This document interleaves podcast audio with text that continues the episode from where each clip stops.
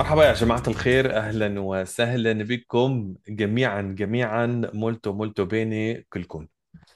آه، أنا عمار دبا آه، من آه، أمستردام العفيفة.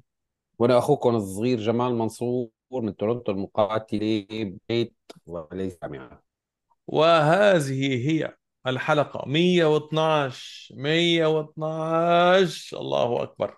من بود إنجازات تتوالى. من بودكاستكم المفضل قطش ولحش. قطش This ولحش. is the baby. This is. والله يا جماعة الخير آه، حنرجع نعيد نفس الكلام اللي بنعيده كل حلقة. آه، شكرا كثير لكل ال- المشاهدات ولكل اللايكات كل ال subscriptions كل هالحكي. بدي بس أطلب طلب بسيط. نحن من كم يوم وصلنا عدد ال subscribers ل 2500 2500 سبسكرايبر يعني ثلاث سنين صرنا بهالشانل هلأ وصلنا ل 2500 إيه مو الحمد حلوة. لله. الحمد لله. مزبوط مزبوط الحمد لله. يعني ما بعرف أنا ب- أنا بعمل حملة إعلامية وبقعد بحكي وهذا بيبخش لي إياها بطيخ. لك عرقتي عدو عدو. لك عدو مو بغيض أنا مو بغيض. ما بحب الخير. لك مو مبغض بس م- يعني مسكين حصرتي عليك يعني ما مهم. حبيباتنا اللي عم يتفرجوا يعني نحن عم تنشاف الحلقة كل أسبوع برياها عم تنشاف لها شيء 4000 يعني في عنا 4000 view بالأسبوع. إيه، ما عنا 4000 هذا عدد صوتي. أيوه هذا من غير من غير الصوتي هذا بس عم نحكي نحن يوتيوب. ما عنا الالف يعني لخاف. ما عنا 4000 subscriber فهذا الحكي يعني في ناس عم تتفرج وما لها عامله subscribe هدول الشغلات ما بكلفوكم شيء يا جماعة. في مين عم يطيلس أيوه. نحن ما بنحب الطيلسة. عشون في واحد عم يفوت وما عم يشلح ورا رجله عم يدعس على السجاد. بقى آه إذا بتريدوا والله لو سمحتوا معلش اعملي subscribe اعملي subscribe آه حط like حطي like ليككم الله جميعا لأنه كلنا نحب ال... وإنما نريد يعني شبهته اللي فايت عم يتفرج ومو عامل subscribe مثل اللي بيفوت على صلاة الجمعة بينطر العالم لتفوت بتحط الشحاحيط والصبابيط تبعها بيقش الصبابيط وبيمشي. وبيمشي. أيوه. فمش عايزين كده. ومقام السيدة. إذا في مجال آه please بالله يدعمونا يا جماعة. إيه لا ال subscribe لا عم نقفل نحن عم نقفل كتر خيركم حتى لو عم إيه. تفرجوا بدون subscribe. بس يعني إذا عملتوا subscribe بتكون زيادة الخير خير طبعا لا اعملوا subscribe لك أخي هلكنا هذا يا الله مين شارك هذا؟ مين أنا نصحني فيه؟ هذا ما بعرف مين نصحني فيه. لك ما حدا نصحك ما لك حدا نصحك. ما حدا نصحني. لك أنا أنا لك وينك؟ مشيت على وينك؟ برجلي. وينك؟ وينك؟ بكيت لعميت ومشيت لحفيت لحتى تا- تا- تاخذني. هلا جاي هذا ترجعني لبيت أهلي. العمى على الصار العمى على آخ اللي بيعرف يعرف بيقول كف عدس. المهم سيدي في هذه الحلقة من ال- الزواج المر اللي بيني وبين الأخ آه، جمال منصور. بدنا نقول لكم إنه كمان شكرا كثير على ال Super Thanks وشكرا كثير على الناس اللي آه، عم تشترك معنا على الباتريون آه، آه، يعني كل ما هذا العدد زاد كل ما قدرنا. نحن صراحة وبدون مبالغة لحتى الآن نحن ما عم نقدر ما لنا ما لنا sustainable يعني. يعني لساتنا ماديا ما ما بنقدر نشيل على البودكاست ف رغم كل المساهمات اللي عم تصير والمشكورة جدا واللي نحن كثير ممنونين للغاية لها للغاية. ونحن ما عدنا استرجينا نعبر عن آه، امتناننا بالاسم نتيجة إنه في ناس تتحفظ وكذا. وإلا والله نحن ممتنين لكل شخص. طبعا قال طبعا طبعا كثير نحن لتاريخ اللحظة ما حطينا إيدنا على سنت.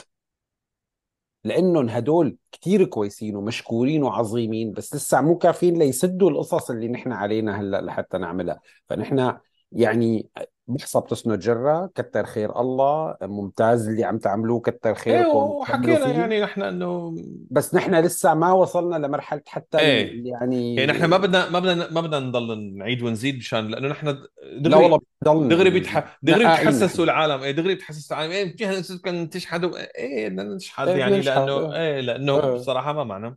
مو أحسن إيه ما نبطل البودكاست كله. Anyways إيه. آه مرة ثانية شكرا كثير مشكورين لكل هو بده هو يعطي بده يستلم إشارة من فرع عرنوس أنا بدي استلم إشارة غب شيء. شيء. فهذا كله بيساعد هذا كل الشيء بيساعد آه، كل هالمساهمات كل هال آه، من ال Super Thanks للباتريون للكذا بيساعدنا آه، رجاء يعني إذا بتقدروا. إيه سيدي شو كمان بدنا نقول؟ آه, كمان شغلة كتير لطيفة. رجاء رجاء رجاء رجاء رجاء.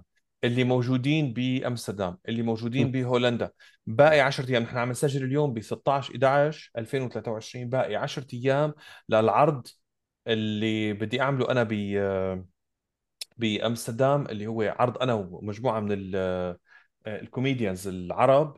آه، وهذا العرض هو آه، مخصص كل ريعه للتبرع لغزه فرجاء يا جماعة في ناس كثير لطيفين وكثير وين وين بدكم تعملوه؟ بأمستردام أبو شريف؟ بالكوميدي كافيه. بالكوميدي كافيه. بال Comedy Café مكان كثير مرتب محترم معنا وحدة من أهم المنظمات اللي بتجمع تبرعات تبعت اسمها Plant een Olijfboom يعني إزرع شجرة زيتون.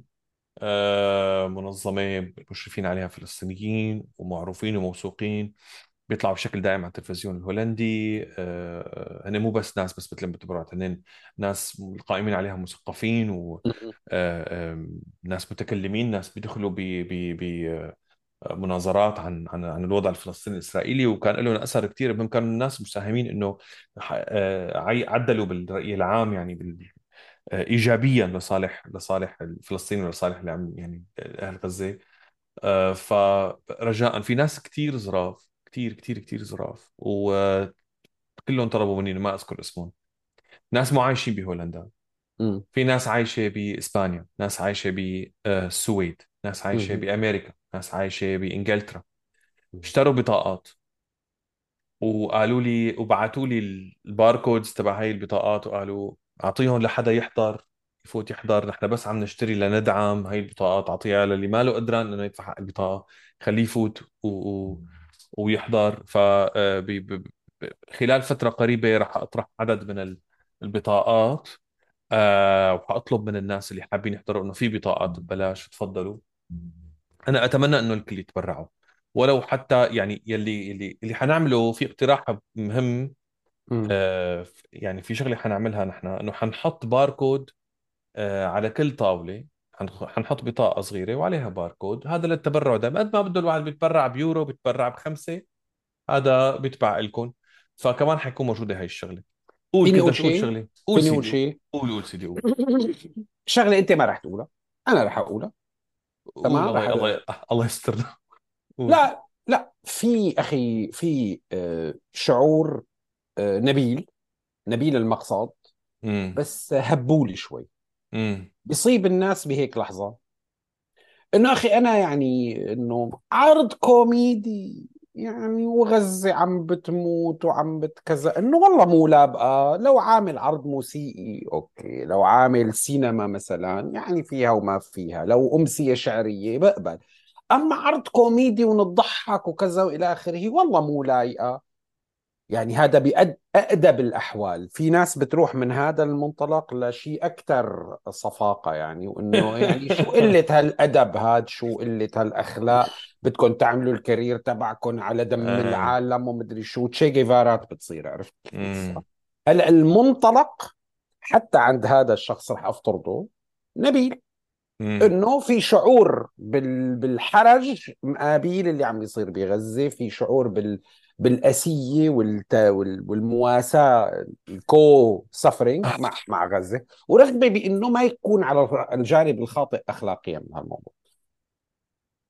اللي عم بيعيشوه أهل غزة هو الموت. نحن علينا أن ننتصر للحياة. واحدة من أهم الشغلات اللي نمتلكها هي سلاح إنك أنت تخلي نفسيتك بوضع أفضل لحتى تقدر تدافع عن القضايا المحقة تبعك. وإنك أنت تمتلك أداة السخرية من واقعك المرير لحتى تقدر تفكر فيه بطريقة مغايرة. هلأ هذا الموضوع ما في استحياء عند كثيرين من الناس بالغرب. هاي الثقافة موجودة. حتى بالغرب بالمناسبة في ناس بتقول لك this is inappropriate وappropriate وكذا وإلى آخره. فهذا في النقاش في موجود. في هيك في هيك حكي. ولو على. درجة أقل بكثير يعني. إيه لكن هي الثقافة لا ممكن تكون على مستوى أعلى بكثير لكن المدافعين عن ثقافة الحياة وعن ثقافة إنك أنت لازم تعمل الكوميديا بأدر بأكثر الأوقات آه، آه، ظلاما آه، بالغرب أكبر بكثير الشغله كمان اللي بدي أقولها هي إنه أه واحدة من الكورسات اللي درستها بالجامعة هي عن آه، الهولوكوست. تمام؟ وقت اللي كنت بال... بال undergrad اللي بتتفاجئ فيه أنا كثير تفاجأت. امم إنه بمعسكرات الإبادة. أوشفيتس بيركناو آه، سوبيبور. تمام؟ في آه، تدوينات صارت يعني بعد. للنكت التي كانت تحكى من قبل كان المسجونين والمعتقلين وكذا والى آخره اللي قبل ما يروحوا على على مصيرهم المحتوم وكذا والى آخره. بتكتشف إنه في دارك هيومر في في في في كوميديا سوداء تنتشر بين الناس اللي عارفين إنه مصيرهم بلحظة ممكن ينتهى بعد بعد ثواني. طبعا فالتحليل تبع ال- ال- المستقرئين لهذا النمط من الكوميديا إنه كيف يستطيع هؤلاء استحضار القوة أو ال- ال- الجرأة الفكرية إنهم يعملوا كوميديا بهيك ظرف؟ بيقول لك إنه هذا واحد من أشكال المقاومة. أنا هون ما عم أقول إنه عمار لما بيطلع بيعمل مايك آه، بي- بيعمل open mic أو بي- بي- بيطلع مثلا بيعمل comedy show بأمستردام هو وأبو عبيدة سواء لا بس هذا جزء من سيرورة حياة نحن عايشين. يعني أنت اليوم إذا بدك توقف كل أنشطتك كرمال غزة وقف كل أنشطتك كرمال غزة. تمام؟ ما بتقدر توقف كل شيء. إذا في أشياء لازم إنها تستمر. أنت ما بتلاقيها in good taste fine بس لا تروح تنتقد العالم ليش عم تعمل. هلا أو أو الصراحه بالأحرى أو بالأحرى انتقد. انتقد. كون حرا انتقد. لا لا انتقد طبعا تريد طبعا طبعا. لكن لكن لا تلوم الآخرين كثير لما بيعملوا هذا الشيء وما كثير بيهتموا برأيك. هلأ واللي واللي بده يساعد أنا أنا if I were you آه، يعني هو نبيل منكم انكم تعملوا هذا الموضوع لما للتبرعات لغزة وانكم أنتم تتبرعوا أنتم عم تعملوا عمليا يعني ما عدا التكلفة تبع آه، نشر هذا ال event انت بدك تعمل له publicity هذا هذا تكلفة وتكلفة حجز المحل. واللي هن أظني حتى هن أعتقد اعطوكم يعني special special price أو شيء من هالقبيل. بس بالمقابل أنتم عم بس في cost بالنهاية إيه في cost أنتم عم تشتغلوا ببلاش. طبعا. تمام؟ وما عم تمننوا حدا بس عم تحطوا upfront إنه this is our contribution. مو القصة قصة تمنين للعالم. القصة إنه نحن عن جد فعلا يعني خالصين مخلصين عم نعملها ل تمام. إيه إيه لا ما عنا عم حدا بس يعني في حاحكي بس كلمتين كتير صغار argument كتير بسيطة عن هذا الموضوع لأنه صار لي فترة عم فكر فيه هو موضوع أنا شاغل بالي كتير. شاغل بالي لأنه إنه نحن السؤال الكبير إنه نحن ليش هيك بنتصرف نحن ليش هيك عم نحكي؟ الناس يعني عموما ليش ردة فعلها هيك؟ هلأ بغض النظر هن شو دوافعهم بس أنا اللي بدي أقوله إنه في آه سويتين في level ين في level عم بدي أحكي أنا على على مستوى عام بشكل عام عن هذا الموضوع. وهو إنه أنا أعتقد إنه هي المبالغة بال بال بال طهرانيه وال- والطهرانية أيوه والتطهر من وكأنه الضحك يعني رجس من عمل الشيطان. بس جوابي على هذا الكلام إنه أنا أحترم مشاعر الجميع أحترم مشاعر الزعلان أحترم مشاعر المقهور. نحن كلياتنا متضايقين وكلياتنا مزعوجين. ولكن خلينا نكون واقعيين بس شوي صغيره نحن اليوم 16 11 عملية طوفان الأقصى صارت بسبعة عشرة يعني شهر وعشرة أيام. هلأ صرنا أربعين يوم. يا أخي الكريم يا حبيبي يا عزيزي بدك تقلي أنت بهالأربعين يوم. حاطط الحزن بالجرن وعم تطرق حالك كفوف وتلطم وتزعل وتبكي. لا بحياتنا بتمرق المزحة والنكتة. شفت مسلسل فرجت رحت تنعزم على على اعشيا هذا هو. فما ظابطة. ما لا ظابطة يعني ما بدنا هالمبالغة وما بدنا نزاب في في نوع من المزاودة إنه أنت عم تعمل وكذا. يا حبيبي يعني لا تزاود على الناس اللي إنه إيه بدها تضحك. ما ما في مشكلة. هذا لسه ما فتنا بنقاش إنه هو الضحك والسخرية. هل هو بالأساس معيب بهيك منافس بهيك مناسبة ولا لا؟ على ما يبدو له ضرورة. هي في له ضرورة وأنا حكيت عن هالنقطة سابقا وما حأرجع كتير زيد بس بدي أقول إنه هي أداة قوية جدا لإيصال الفكرة. بس. هي نحن حكينا وشو عمل باسم يوسف بتتذكروا بالحلقات السابقة. الشغلة الثانية يا جماعة الخير. لما الإنسان بيصير قادر إنه يسخر من مبتلاه لما. يسخر من مصيبته. هي قمة فهمه لهذا الموضوع. هو انتصار كتير صغير على مستوى داخلي نفسي على هي هو الأزمة. امتلاك لأسباب القوة يعني استعادة قوته الذاتية كفرد 100% قدرته بالسخرية فيعني الأمور معناها هو يقف فوقها. أيوه. فمعناتها ما لا يعني اولا اولا اولا هذا الكلام اللي بيجي من هذا النوع هو في شيء من الطهرانية والم- والمزاودة. الغير واقعية واللي فيها إجبار وفيها وصائية كمان على الناس إنه يعني أنا زعلان كلكم كنتوا تزعلوا مثلي لك يا أخي. هلأ البشر مو مثل بعض أول شيء. ثانيا هي مو هي الطريقة الصحيحة. يعني مو يمكن هي إلك الطريقة الصحيحة. يمكن إيه إلك. لا تجبر الناس. أنت تصطفي لا تجبر الناس. وغير والشغلة الثانية حكينا عن أهمية السخرية. هلأ الشيء بقى اللي هو المستوى الخاص. يعني في. ناس مثلا إجت عم تقول لي قال أنت بدك تنتج على كتاف هال... أول شيء يا إخواتي هذا العرض مو لحالي. في معي comedians ثانيين وعدم المؤاخذة حاحكي لكم مين هال comedians الثانيين comedians الثانيين يعني اولا الحمد لله أنا صار لي 11 سنة بعمل stand-up comedy وأنا مالي مستني عرض لحتى اصير نجم النجوم. وأنا أساسا مالي نجم النجوم بس يعني مالي مستني عرض اللي هو رح يرفعني ويخلي ودي العرض بدهم يحضروه 130 شخص مو 130 ألف شخص.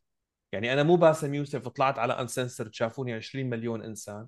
مالي لساتني بهالوارد ما فيها شيء بس أنا الحمد لله مالي مستني عرض وأموري ماشية هي واحد. اثنين كوميديان الثاني اللي معي من المغرب رشيد لاروز كوميديان من 2005 بيعمل بالعربي وبالإنجليزي وبالهولندي. بيطلع على التلفزيون الهولندي. ما له مستني ما له منتظر. يعني يعني هذا فعلا فعلا هن زلمه ليش ليش عم يعني. ليش عم تحكي بهالصيغة؟ طول بالك في طول بالك إيه. لكمل لأنه في إيه. ناس بدها تعرف لأنه لأنه كثير عم عم تجي هالحكي. الشغلة الثالثه يا جماعة الخير الشخص الثالث اللي معنا هدول نحن الرئيسيين في في لسه comedians تحتنا. الكوميديان الثالث اللي هو شريف نصر. stand-up comedian هولندي من أصل فلسطيني. وهو أيضا filmmaker ومخرج وحائز على الجوائز والفيلم تبعه بمرحلة من المراحل كان رح يترشح للأوسكار. يعني أنا ما بفهم ما طبعا هلأ بحكي لك كمان على اسمها التفصيل. لننهي النقطة الأولانية إنه نحن ما يعني عرض مثل هذا ما رح مو هو اللي رح يعملنا نجوم منجمة. هي أول نقطة. النقطة الثانية. الفيلم اللي عم لك عليه اللي شريف آه، أخرجه. آه، و- وكان موجود فيه كان موجود بالفيلم. هذا الفيلم بيحكي عن الهوموسيكشواليتي فهو بيحكي عن المثلية في المجتمعات العربية. فيلم روائي قصي ما ما بعرف قديش مدته آه، عن المجتمعات العربية عن المجتمع المغربي في هولندا. وهو مشارك بالفيلم أو هو المخرج نسيت أنا شو الكباسيتي تبعه بالفيلم يعني. فبتجيني تعليقات من الناس إنه قضية فلسطين ما لها بحاجة ل- لدعمكم أنتم يا جماعة الألوان. أول شيء قضية فلسطين اليوم هي بحاجة دعم كل الناس. هي أول شغلة مشان بس نكون واضحين وما نحكي حكي بس هيك أكل خرا وضرات هي واحد. اثنين يعني أول شيء يعني شبههم الناس شبههم جماعة الألوان يعني شبههم الناس المثليين الناس اللي هي من من من هذا المجتمع ال جي بي تي كيو كوميونتي أنا على فكرة نزلت على مظاهرات هون ورحت على event ات لفلسطين. ال جي بي تي كيو بلس كوميونتي جزء أصيل من هذا الحراك وهدول الناس مو بس بيطلعوا بالمظاهرات في مجهود وفي عمل وفي تخطيط وفي مصاري عم. عم. عم تتحول وعم بتروح وعم تجي عم والله. بعرف منه الناس عم بتورنتو على يعملوا أو بتورنتو بمونتريال والله العظيم فت بنقاش هذيك المرة بمونتريال وقت اللي كنت بالمؤتمر مع مع حدا من ال جي بي تي كوميونتي تمام. جي بي تي كيو بلس 2 مم. إس اللي هو الكوميونتي المجتمع الميم قلت له هل تدرك إنك أنت عم تروح وتحط حالك بوش الشرطة وبوش ال pro اسرائيلي آه،. متظاهرين وممكن تحط حالك بقرنه ينكشف وشك آه، تتعرض للاضطهاد الوظيفي تمام؟ كرمال قضية أصحاب هي القضية بيرفضوا وجودك من أساسه وما بدهم إياك ولا بدهم دعمك وإذا بيطلع لهم يستلموا السلطة بقلب هذا الفلسطيني المحرر أول أول مين بيقمعك بدهم وبيمعسك يمعسوا بدهم يمعسوا سماك؟ مم. يعني هون التناقض هذا اللي أنت عم تشرحه. إنه في نوع من أنواع مؤلم مؤلم نحن بحاجه نحن بحاجة تعاطف كل العالم بس هدول لا. وهدول لا. وهدول بيعجبونا وهدول ما بيعجبونا. بدنا كل الاكتيفيتيز إلا هي وإلا هي وإلا هي. وكل مين بيفسر هذا الموضوع؟ بيفصلها على فلتر عقده قصصه الاجتماعية نظرته للعالم اللي بتخري اللي طالعة من طيز القرد. تمام؟ اللي بدي أقوله كمان شغلة. اليوم المشكلة الحقيقية التي تجد نفسك فيها عمار حتى نحكي نحط الأمور بنصابها. أنت كوميدي عم تصعد. مالك؟ أنت مو عادل إمام تمام؟ مم. أنت كوميدي عم يبني الكارير تبعه عم يطلع. تمام؟ سهل كتير الاستزي عليك والتقويص عليك وطلب المبررات منك ووضعك بخانة اليك وزركك وكذا وإلى آخره لأنه أنت لسه ما قدرت تقول لهم خذوا انت بتقدر تقول لهم خذوا بس انت مو والله بقرني ما بيقدروا يطولوك هدول صغار القامه لسه بيضلوا هن عم يحاولوا يقوصوا عليك بركي بيشدوك لتحت بركي بيكسروك. وليش ليه يكسروك؟ مو غيرة كار بس. في ناس بتغار غيرة كار ونحن بنعرف مين بيغار منك غيرة كار كم واحد بنعرفهم. بس مو هدول بس اللي بيضلوا بيلسنوا بيلتلتوا بيحطوا بيحطوا بهالقصه في ناس أخي هذا العدمية اللي كنا عم نحكي فيها هذيك اليوم أحمد عدمية عرفت كيف؟ هذا شغلته بالحياة زحمة يا دنيا زحمة. إيه زحمة يا دنيا زحمة. إنه أخي شغلته ليش هذا ناجح كسر أخته بتكسره بس أقول لك شغلة أقول لك شغلة مهمة بس أنا ما بدي الناس تفكر كل مرة إنه إذا وقت اللي بتنفتح هي المواضيع إنه أنا آه، بدي أحكي عن عن حالي وعن عن قصتي. يا سيدي بدك بدي أحكي شغلة. لا لا لا لا, لا. في نقطة مهمة بدي بس لحظة لحظة. في نقطة مهمة بدي الجميع بس يستوعبوا عليها اللي هي مثل مثلا نحن الناس اللي بيسمعونا مثل هلأ هلأ من شوي كنا عم نحكي نحن عم نحكي يعني نحن ما بين يوتيوب وما بين. المنصات يعني الحلقة بتنسمع بأول أسبوع حوالي 5000 مرة. هدول 5000 شخص. في ناس قد تكون عندهم أفكار مثل هي الأفكار. يا سيدي على عيني وراسي ما في مشكلة بس أرجوك اسمع مني شغلة. ما بيصير نحن نقول في هي القضية وهي القضية لكل الناس ولكل الشعب الفلسطيني ولكل الشعب العربي ولكل مدري شو وتجي هالناس. أيوه نستثني الناس وأنت ما بقبلك وأنت ما بدي يلي بيضحك ما بدي يضحك لأنه ما بدها وال LGBTQ ما بدي إياه لأنه ما بيشرفني وفلان الفلاني ك...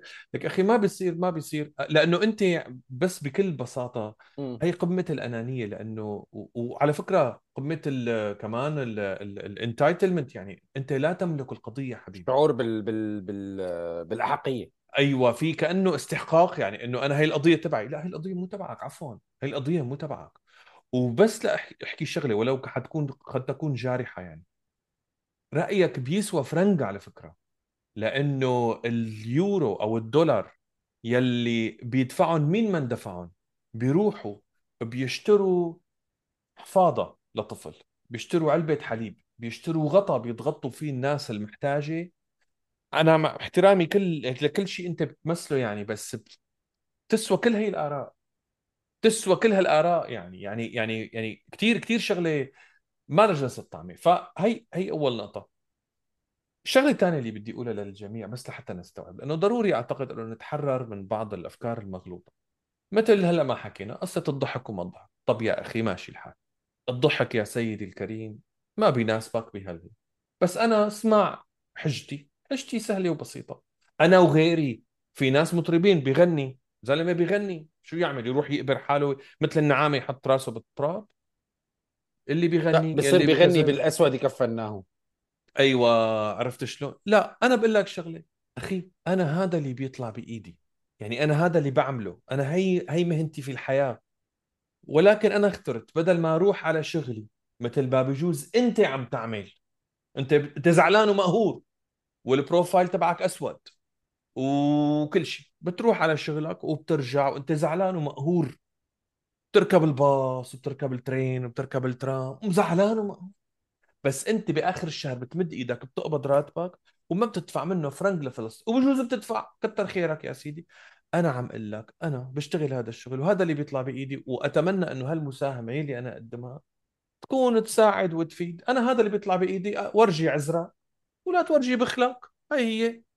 النقطة الثالثة يلي أرجو الناس تفهم كمان في هلأ الطلب التالي. تبع اللي عم نقول للعالم كلياتها إنه أخي عدوا بالبيت خرسوا لا تشتغلوا. هلأ مو وقتك يا مغني. هلا مو وقتك يا فلانة يلي انت مدري شو بتساوي. هلا مو وقتك انت يا فنان لتطلع على كتاف القضية. لك حبيبي هدول الناس بياكلوا وبيشربوا من هي القصة. طيب مشان حضرتك ما تنطعج الزعلة تبعك شو بدنا ناكل؟ ناكل هوا؟ نفتح تمنا للهواء كمان نطلق قال إذا أردت أن تطاع فاطلب المستطاع. فمو مقبول هالكلام. كنت بدك تقول شغلة أنا آسف كملت. كيف بدي أقول شغلة بس اللي عم تقوله أنت زينة العقل وأنا أنا متفق معك فيه. للأسف الشديد متفق معك بكل اللي عم تقوله. بدي أضيف آه. عليه بدي أضيف. عليه القليل. اضف ارجع ذكر الحقيقة إنه أنت يحق لك تتكلم عن ذاتك؟ ويحق لك أن تتكلم لما أنت عم تقول أنا ما عم بحكي عن. حالي. آه إيه إيه. إنه أنا ما عم بحكي عن نفسي. أنا عم أقول لك بحق لك لا بل واجب عليك بلحظات ما معينة إنك تتكلم عن نفسك لأنك أنت بنهاية المطاف مطاف شخصية عامة تشتغل في الفضاء العام. إيه إيه تمام تمام تمام تمام تمام. واحد. واثنين تجربتك هي قد يكون فيها بعد شخصي. ليس من المعيب إنك تشارك البعد الشخصي صح. لكن أنت تضع هذا البعد الشخصي دائما بإطار أعم شوي منك وأنت عم تشتغل على هذا الأساس فيحق لك أن تتكلم عن ذاتك هذا واحد اثنين كثير مهم نتذكر أننا الآن في مرحلة عم نضطر فيها نتواجه مع ظروف جديدة مستجدة علينا تمام اللي هي. فكرة أننا الآن في في في المنطق الأبوي السلطوي القديم عم يتكسر. امم وفي cacophony في نوع من أنواع فوضى أصوات. يعني بعد ما كان الكل ممعوس بالبسطار العسكري في سوريا تفجر فجأة هذا القمقم وطلعت كل هالأصوات تفرفدت. تسمع على طيف الأصوات هذا عياط وزعوطة وصريخ وشي مع النظام وشي ضد النظام وشي بده الإسلام هو الحل وشي بيكره النساء وشي بيكره LGBT وشي بيك- بيكره يعني في في شي بيكره أكثر من وحدة عرفت كيف؟ يعني متنوع الطيف. وفي مجموعة قاعدة على طاولة صغيرة بقلب كل هالفوضى هي كانت أوضة كلها مضبوبة بمشفى المجانين. فلت هالمشفى المجانين وكل مين عم يخبط بهالحيطان ويطلع لك واخذ ويلبيت ويلبط. على الحيطان وي- ويم- ويمسح ايديه ويعيط على فلان آه انسى أخذ لي المدري شو كذا والى آخره. وفي طاولة هيك قاعدة بالسوكه هدول تبع اللي محبوسين غدر ومظلومين بقلب مشفى المجانين كانوا. بس قاعدين هيك لحالهم. عم. عم يكبشوا فنجان قهوة تبعهم وعم يضحكوا على شغلات مثل الخلق والعالم ويعملوا بيرفورمنس وكذا والى آخره. وين هدول كلياتهم عم بيجنوا حواليه تمام؟ أنا ما بدي اكون من هدول أنا بدي اكون من هدول ال- ال- القلة الصغيرة والقلة الصغيرة مو أحسن مو نخبة مو فظيعين ورائعين وطالع لهم أجنحة وكذا هن بس. اختاروا إنهم ما يشبطوا ويلبطوا مختلفين بس هن اختاروا ما يشبطوا هي المشكلة تبع هذا المجتمع السوري الجميل حيث ما انفرد لما انفلشنا مثل هيك الدحاحل والله. العربي كله يا جمله ها؟ أنا عم بحكي كله. على السوريين أنا أختص فيما يختصني.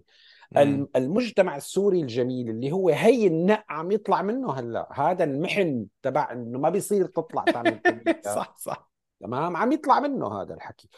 أول شيء يا أبو عمير أنا لا أستبعد إنه ثمة من هناك بالتحديد بهذا الموضوع عم ينجر.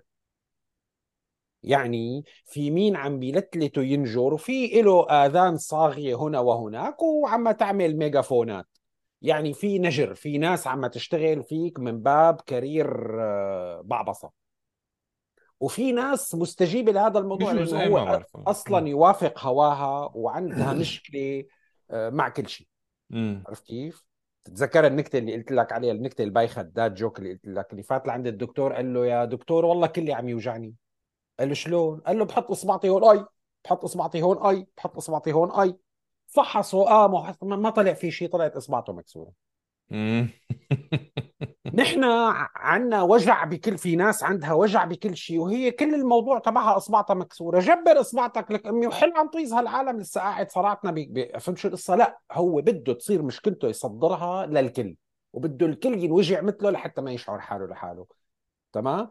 آه آه هاي شغلة كثير مهمة. الشغلة الثالثة هي أنت مضطر في هذا الوسط أن تبرر أحيانا أفعال تجدها طبيعية كثير في المحيط اللي حواليك وخصوصي إنك أنت صح. لك وخصوصي إنك أنت عمليا يعني زلمة استبطنت قيم معينة. بتشبه القيم الأوروبية اللي أنت محيطة فيك، أنت مالك أوروبي أبيض أشقر وما ما عملت عقدة رجل أبيض على اللي حواليك، لكن أنت وأنت في سوريا تفكر كأنك كأنك قاعد بأوروبا بت... في قيم ليبرالية بتحبها.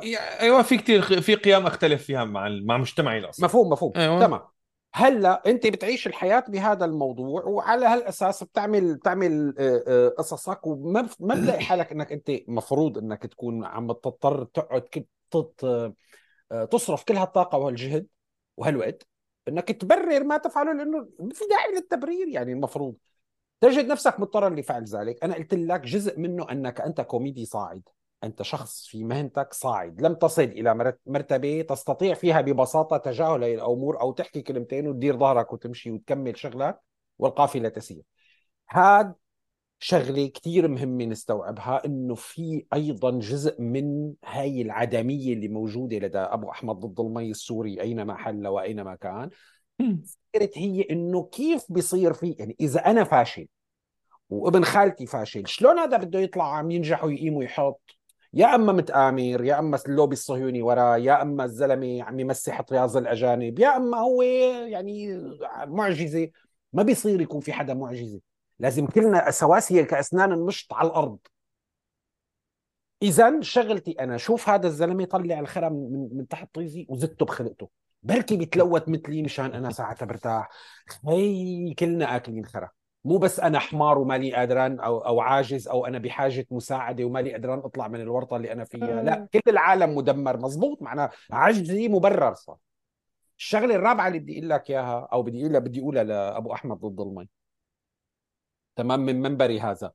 اليوم في كوميديانات stand up comedians فلسطينيين موجودين بأمريكا. إجوا وعملوا عروض بكل أوروبا فلسطينيين ومصريين وكذا والى اخره ما حدا حاكاهم. ما حدا زنبر عليهم. بس عنا نحن عرفت كيف؟ مزمار الحي لا يطرب. نحن بنشارك انت قلت قبل شوي وأنا بدي ارجع آخذ كلامك هذا واعيده للتضخيم تبعه. يعني أنا ما عم جيب نقطة أصيلة انت حطيتها بموضوع هذا. أنا فقط عم ببني م. عليها مرة ثانية اللي هي بس باسم يوسف. كلكم يا إخواتين ال 600 أحبة. شاركتوا. شاركتوا. اللي عم ينتقد هلأ هذا الكلام وعم ينتقد عرض الكوميدي تبع عمار كلكم يا اخواتين ال 600 أحبة شاركتوا الفيديو تبع باسم يوسف اللي هو stand up comedian عم يشتغل هلأ كان عنده حفلة بسدني عم يعمل show مو عن غزة. بس وقت اللي حكى كلياتكم مثل التوتو. كمشتوا هذا الكوميديان المهرج اللي أنتم عندكم استعداد تتمسخروا عليه ومثل الحيوانات حطيتوا الفيديو تبعه وشاركتوه بكل فخر واعتداد لأنه stand up comedian وعنده صوت وعنده موقع وعنده قيمة. ف please كون في اتساق. يا ما بتحط له الفيديو تبعه لباسم يوسف وساعتها لسن على عمار بتكون حمار لساك يعني بتضلك حمار. بس على الأقل حمار عنده اتساق أخلاقي. أما ضربي على الحافر وضربي على النافر هذا العصفور صوته بيعجبني هذا العصفور ما بيعجبني مع إنه نفس العصافير ونفس الصوت. أنت هون عم تعمل خيار وفقوس وطالما عم تعمل خيار وفقوس أنت وكلامك بس يمثل ظاهرة يجب إنه نشير إلها ظاهرة الكذب والدجل والتدليس والنفاق. أنت مالك مهتم بغزة أنت منافق بتكون وممحون. وبدك مين يقول لك إن شاء الله شبه وين وجعك؟ إصبعتك وين؟ تعا جبرنا لك إياها. تمام؟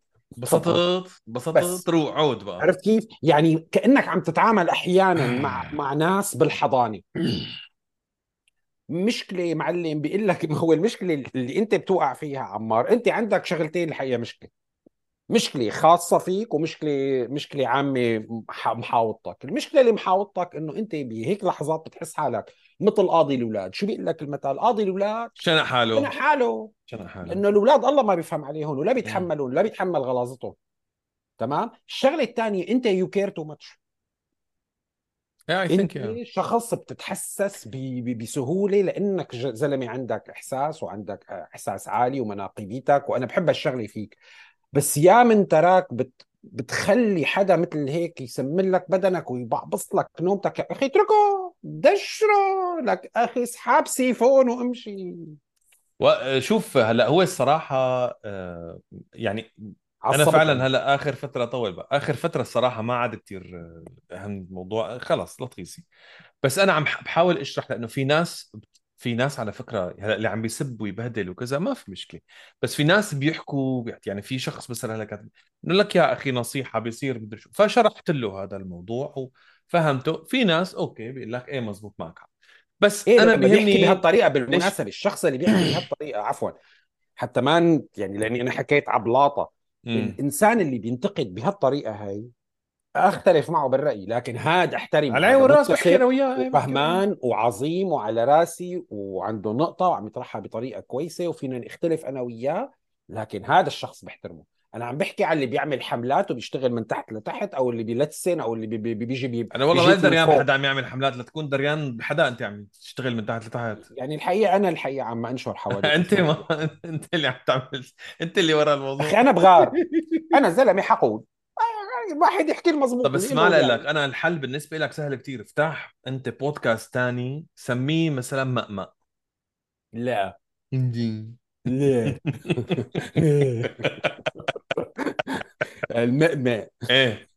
فالمهم هلا لحتى ما يمأمؤوك إلهي.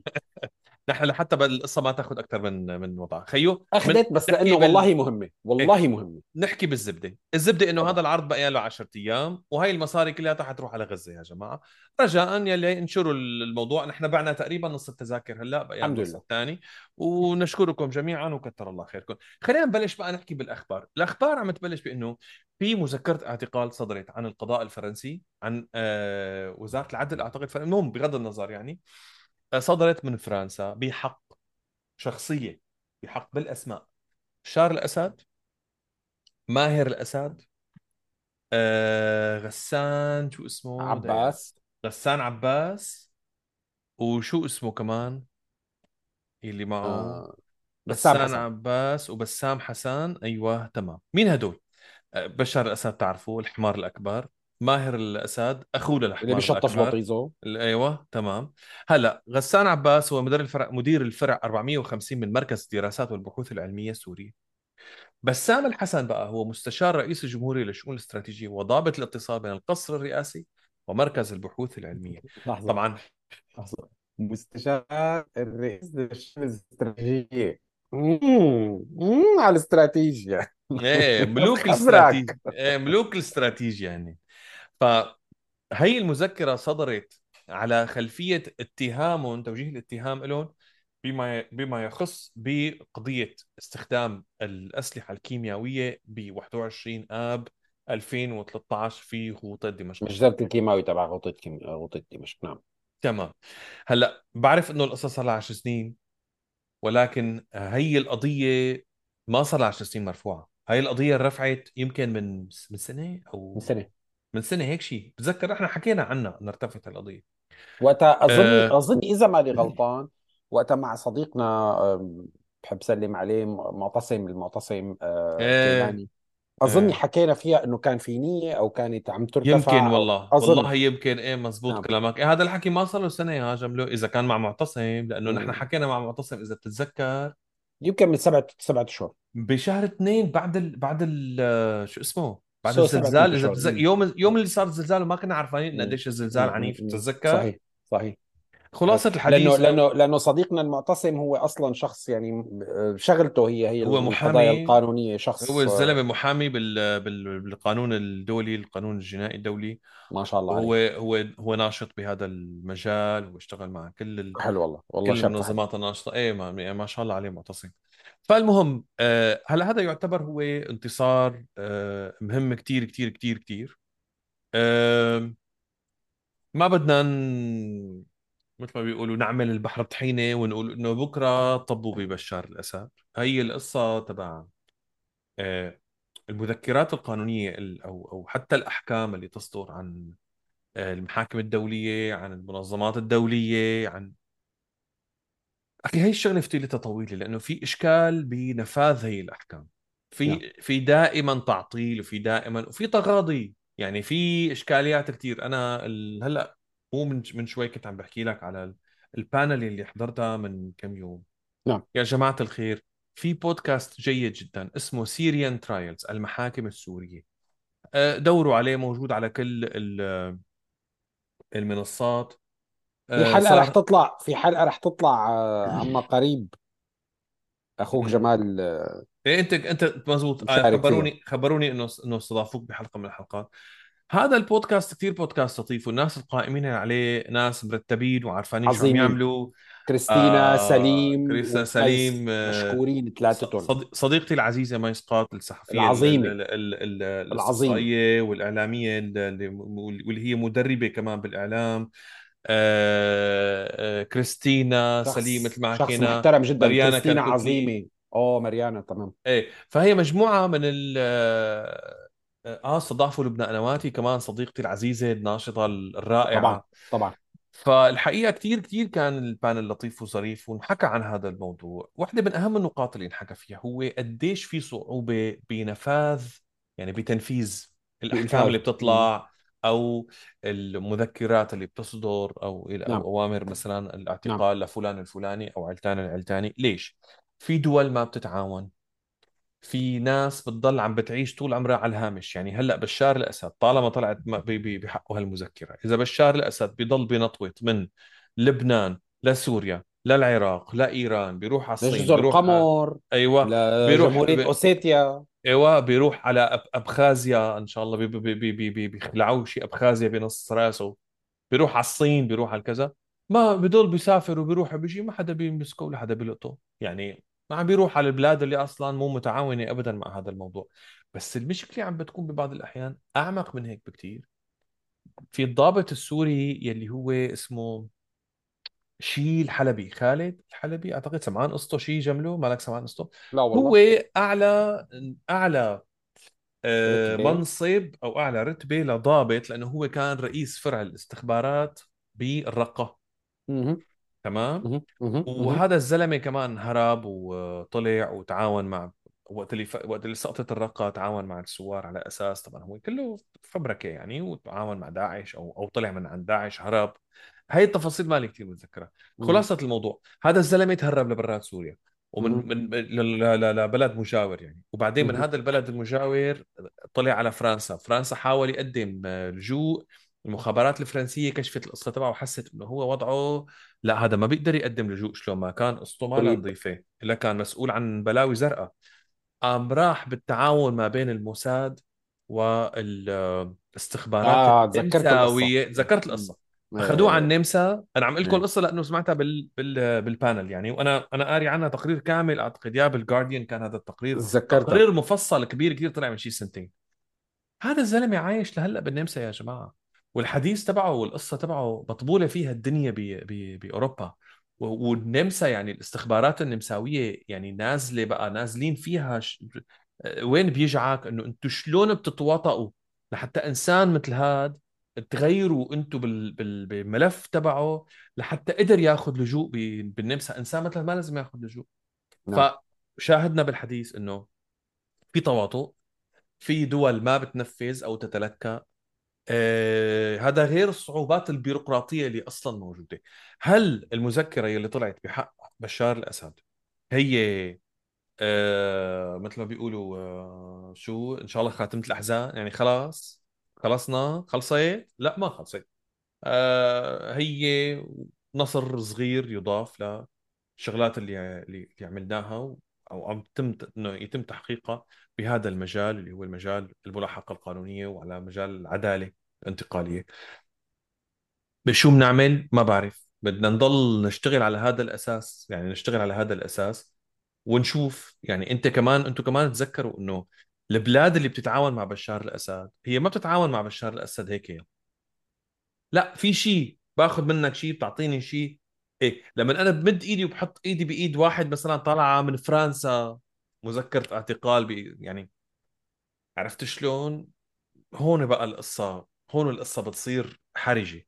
أنا أعتقد المزيد من هذا العمل إيجابي definitely ما بعرف شو أنت شو رأيك؟ جمله بعتقد عندي الكثير مما يقال بهذا الموضوع. أنا أو أول شغلة آه لازم أعيد ال- طرح الموضوع نحن حكيناه سابقا راح أحكي كثير باختصار.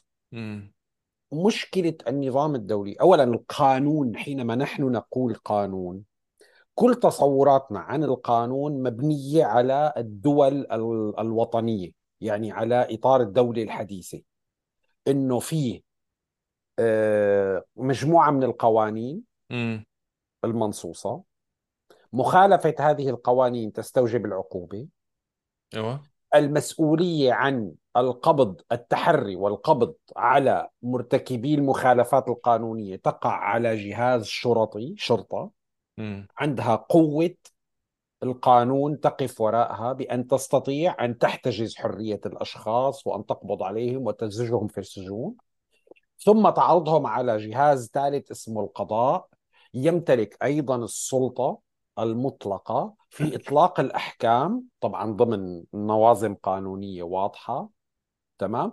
بقلب هي المساحة الجغرافية التي فيها سيادة لدولة معينة هذا القضاء تحت هي السيادة يحق له زج هدول الناس بالسجون وعلى جهاز الشرطة إنفاذ هذا الموضوع. المشكلة أن النظام هذا موجود بقلب هي الكتلة اللي اسمها الدولة الوطنية اعتبر تركيا اعتبر قبرص اعتبر اليونان كل واحدة من هذه الوحدات اسمها دولة وطنية فيها سيادة فيها هذا الإطار حينما ترتكب جريمة ضد القانون تنفذ جواته الأحك... تحاكم بقانون القانون هلأ. أيوه. حينما تتم الجريمة عبر الدول هي الدول بال 70 80 سنة الماضيين قررت تخترع طريقة بحيث إنها تنسق بين بعضها في الجرائم الجنائية التي لا علاقة لها بأي آه، مواضيع سياسية. جرائم م. خطف سرقة اختلاس آه، غسيل آه، أموال اتجار غسيل بالبشر أموال اتجار بالبشر دعارة مخدرات إلى آخره تمام؟ على أن تتعاون بينها وبين بين بعضها بشكل طوعي. ما في إكراه ولا إجبار. لكن بصير من مصلحة الدول إنه طيب أنا اليوم إذا أنا ما سلمت عمار مجرم هو هربان من عنده طين طنشت. بكرة إذا أنا عندي مجرم عنده ما بيسلمني إياه. فمصلحتي أنا سلمه هذا المجرم لحتى يسلمني هو المجرم. فبيصير هذا الموضوع الطوعي بيخلق هي العملية السموث. ولكن لا يوجد إكراه قانوني لأنه هي القصة المهمة كثير في الإطار الدولي يعني ما بين هذه الوحدات اللي اسمها دول التي كل منها تملك سيادة لا يوجد دولة مترأسة لهذا السيستم. ما في ما في حدا فوق زعيم يقول أنت بتعمل أنت ما بتعمل ولديه قوة الإنفاذ. هلا طبعا لما بدرس علاقات دولية للطلاب حتى بكندا مو بس عنا بيقول لك إيه بس أمريكا هي الدولة الأقوى. أمريكا هي الدولة الأقوى لكن لو أمريكا تملك قوة الإنفاذ اللي موجودة عند رئيس الجمهورية مثلا أو الملك في أي دولة من هدول الدول ولديه القدرة بالشرطة تبعته والعسكر والقضاء كذا إلى آخره لما كانت مثلا خسرت وانسحبت من من أفغانستان لما كانت ما قدرت تفرض مثلا على إسرائيل أشياء معينة تمام؟ في في محدودية للسلطة جغرافيا تمام. العالم لأي دولة. لا يوجد بهذا الإطار دولة هي السيد وبالتالي منظومة القانون الدولي هي أعراف جرى التعامل معها بمرتبة القانون ولكنها لا تملك صفة القانون الواجب الإنفاذ. وحينما تملك صفة القانون واجب الإنفاذ لا يوجد جهاز شرطة عالمية قادر على انفاذ هالعمل فلذلك أي نوع من أنواع الاتهامات بالقانون الدولي بالقضاء الجنائي الدولي إلى آخره تصل عند مرتبة الإنفاذ وتفقد جزء من قدرتها الفعلية. لأنه لا يوجد جهاز للإنفاذ لا يوجد شرطة عالمية قادرة تفوت تقتحم سوريا وتقول لهم أعطوني بشار الأسد يلقى القبض عليه زبته بقلب القنينه وحطه بسجن ما في. كويس؟ طيب. اذا قد يتساءل سائل من هدول اللي بيحبوا تبع إنه كبسات زرار إنه أعطيني أعطيني من عاشرة. شلون بدي أنا إذا معناها شو؟ معناها ما له طعم القانون الدولي. بقول لك لا. القانون الدولي يملك صفة خليطة بين القانون والعرف والفعل السياسي. قطعا محدودية يعني من ال... ال... تنطلق أنت من إنه أنت رئيس لدولة موجودة وعضو بالأمم المتحدة إذا لديك علاقات مع منظومة باقي هذه الدول ومن حقك التحرك من أر... من إرني لإرني ومن حقك أنك ترسل سفراء ويرسلوا لك سفراء وتتعامل تجاريا وتتعامل كذا. حينما يكون عليك ملف متراكم من القضايا من هذا النمط هذا الشيء بحد من إمكانياتك. مم. هلا هل يزيلك من السلطة؟ هل يضعك في سجن حيث تستحق؟ لا ولكن بيضغط عليك. تمام؟ إذا وجود هذه القضايا ليس هو الحل مثل ما بتكون القضية بقلب النظام الجنائي بقلب دولة ما معينة ضمن إطار جهازها القضائي ضمن إطار السيادة تبعها. حيث القرار القضائي مبرم نهائي. إذا طعن فيه مرة وطعن فيه المرة الثانية وما حصل على استئناف أو أو أو أو نقض بيصبح نافذ تماما وخلص بيروح بيروح هذا الموضوع للإنفاذ 100% بالقضاء الدولي لا مو هيك القصة. ولكنها ضرورة التراكم بأنك أنت تضغط سياسيا على هذا النظام بحيث أنك تحد من من من إمكاناته وتجعله قابل لأنك أنت يوما ما حينما تتغير الظروف السياسية تحطه بمكانه. هذا أول نقطة. إذا فهمنا لكيف الفرق بين ال... يعني لما بنحكي قانون دولي غير القانون الوضعي تبع تبع الدول لما بنحكي قضاء دولي غير القضاء الدولي تبع الدول والإنفاذ غير ممكن. هلا. الشغلة الثانية هي إنه آه، آه، في كثير من القضايا الدولية السابقة وضع ناس تحت المحاكمة غيابيا أو طلعت بحقهم مذكرات توقيف أو أو أو. كويس. مم. وما جرى القبض عليهم مباشرة. مثل م- مثل البشير مثل؟ ميلوسيفيتش. ميلوسيفيتش. مم. آه، الجماعة تبعت رواندا. مم. آه، شو اسمها؟ آه، جمهورية آه، آه، شو اسمها؟ آه، اللي هي كان اسمها آه، زائير آه، الكونغو. آه. تمام؟ و, آه، و عمر البشير تبع السودان. طلع عمر ب- بشير القذافي صدام حسين. طلع عليه آه. عليه عليه أنا ما عليه- بعرف إنه صدام حسين كان عليه مذكرة اعتقال. كان- كان عليه مذكرات لك آه مالي عارفه مالي عارفه تمام؟ okay. فأنت اليوم اللي عم تحكي عليه إنه مو دائما بتحصل القصة بشكل linear خطي ميلوسيفيتش آخر شيء قبض عليه وراح على. المحكمة. مو كل الناس بتحصل على يومها بالمع... بال- بالمحكمة.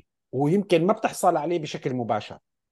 لكن بلا شك ولا جدال إنه مذكرات الإيقاف أو مذكرات ال... ال... ال- الطلب للإحضار لل- للمحاكم بجرائم ضد البشرية ضد الإنسانية ضد ال... ضد ضد السلام العالمي هي فعلت فعلها بإنها تحط ميلوسيفيتش وتحط عمر البشير بمأزق.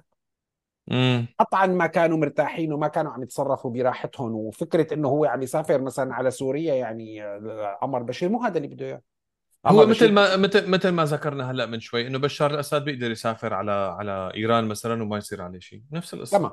إيه بس يعني مين بده يروح على إيران عرفت كيف؟ هذا هو. الشغله الشغلة الثالثة هي إنه أنت عليك أن تراكم الضغط حتى بالقوانين الوضعية. أنت شايف فيلم اسمه ذا انتشبلز أي لك أنت.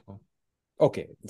للي ما بيعرفوا للي خلقان آه، أول امبارح اللي ما بيعرف شو معنات السينما رح ندلك نحن كختايرة على فيلم زلمة. الخلق والعالم رح ندلكم على فيلم لا تردوا. عليه. فيلم بلا بلا ردوا علي وأنا. ختيار وبدي. أقعد منكم. إيه خروا تبع شون كونري وكيفن كوستنر و أحسنت. وإخراج إخراج براين دي بالما. براين دي بالما. Okay. هذا الفيلم ينصح بمشاهدته أظني موجود على نتفليكس. Untouchables هو قصة ال كابون. آل كابون yes آه، آه، مواليد 1990 إيه حشوفه لحظة شوي. إيه أظن. The Untouchables. خليه خليه خليك عم شوفه أنا. إيه. كمل أنت. آه المهم ف... فقصة 87 The 87 Untouchables. 87 Yes. Okay. آه فيلم عظيم وكثير كويس طبعا, طبعاً. في يعني في كثير يعني حاذكر لكم كم اسم بس لحتى تعرفوا كيفن كوستنر شون كونري. اندي غارسيا روبرت دينيرو تشارلز مارت يعني أسماء مهمة كثير نعم امم تمام فالقصة قصة آل كابون اللي هو كان زعيم عصابة المافيا. بشيكاغو شيكاغو. واحد من أهم زعماء المافيا تاريخيا كان وكان حاكم شيكاغو الفعلي. يعني المير كان يقبض منه تمام؟ آه، اجت قوة من مكتب تحقيقات الفيدرالي الناشئ حديثا بقيادة واحد اسمه إليوت نيس كان هو حقيقة مو مع المكتب التحقيقات الفيدرالي كان مع وحدة التحقيقات المالية. رغم كل جرائم آل كابون ورغم كوم المخالفات القانونية اللي عملها قتل شغل بالدعارة تهريب مخدرات آه، كان وقتها لسه ال prohibition اللي هو تحريم الكحول. مخالفته بتهريب الكحول وبيعه بشكل غير شرعي وال... وال... واستهلاك بمحلات السهر اللي كانت عنده. يعني عليه مخالفات بينة واضحة بالصحف كانت موجودة. ما قدروا يلاقوا دليل عليه قانوني علما إنه كان في تحقيقات واستدعاءات طويلة عريضة تمام؟ آل كابون زوجة في السن بمخالفة آلية إنه هو كان عم يصرح عن ضرائبه. على رقم منخفض نتيجة بس عم يصرح عن أعماله الشرعية. وعنده دفاتر لقطوها هدول جماعة إليوت نيس أثبتوا فيها أنه هو عم عم بيقول ضرائبه مثلا 10 دولارات هو عليه ضرائب 200 ألف. ما انقبض عليه ولا واحدة من جرائمه البينة. بالكيماوي اللي ضربه ما انقبض عليه. بال... بالجرائم تبعته تبع ميليشياته بح... بمجزرة التضامن ما انقبض عليه. انقبض عليه بمخالفة مالية. ما مستعظم النار فما مستعظم النار إلا من مستصغر الشرر لذلك كل إدانة قانونية بنقدر نحصل عليها مهما استسخفناها ومهما كان لدينا من شكوك بقيمتها ومهما كانت ما بتفشلنا خلقنا لأنه نحن بدنا طلعتوا إدانة حطيتوه بالسجن آه. أعدمتوه يا ريت والله يا جملو. يا ريت يا ريت يا جملو. في في في نقطة ثانية يعني الحقيقة هو إنه ال... خلينا نكون كمان نحن صادقين مع حالنا وكمان واقعيين. معظم النا... يعني الناس كل واحد منهم عنده تصور خاص للعدالة. في واحد بده يشوف بشار الأسد على الخازوق. على الخازوق على الخازوق بده يشوفه طالع من راسه. وفي ناس بدها تشوفه عم ينشنق وفي ناس عم بدها تشوفه عم يحترق وفي ناس عم بدها تشوفه ما بعرف شو وفي ناس بتقول لك لا أخي خليه يتحاكم محاكمة عادية. يعني عنا تصورات متعددة للعدالة بس للأسف العدالة ما بتمشي على كيفي وكيفك وكيف فلان وفلانة وعلتان وعلتان والحمد لله اللي ما بتمشي على والحم... كيفي آها هي النقطة. في قانون بالدنيا وهذا القانون المشكلة دائما كل الناس بتتعامل مع القانون بتقول إنه صعب. التعامل مع القانون صعب في بيروقراطية في تفاصيل في أدلة في إثباتات. على س... أنت هلأ عم تحكي هالحكي. أنا امبارح بالليل شفت آه، ضليت عم شوفها على ثلاث أربع أيام. في سلسلة وثائقية جميلة جدا على نتفليكس. ما صار لها زمان نازلة. اسمها Get Gotti مين جاتي هو جون جاتي شفته جون جاري جون شفته جون جاتي جون جاتي هو ال... هو the last godfather هو آخر زعيم للعائلات الكبرى بالمافيا الإيطالي. هو كان الجامبينو family. هو أكبر شو سموه؟ شو سموه؟ سموه بالصحافة تيمنا ذا تeflon دون ذا تeflon دون تeflon يعني ال... لأنه التفلون هذا اللي ما بيلزق عليه شيء. تفال تفال. ما بتعلق عليه شيء. هذا الزلمة بداية السلسلة القضائية يلي بالنهاية طاحت فيه. شو هي؟ مشان صفي مشان يصف سيارته هو ومعه كان البودي جارد تبعه. مشان يصف سيارته في حدا بده يصف هون تخانقوا مع زلمه نزلوا ضربوه. قام الزلمة انأذى وراح اشتكى.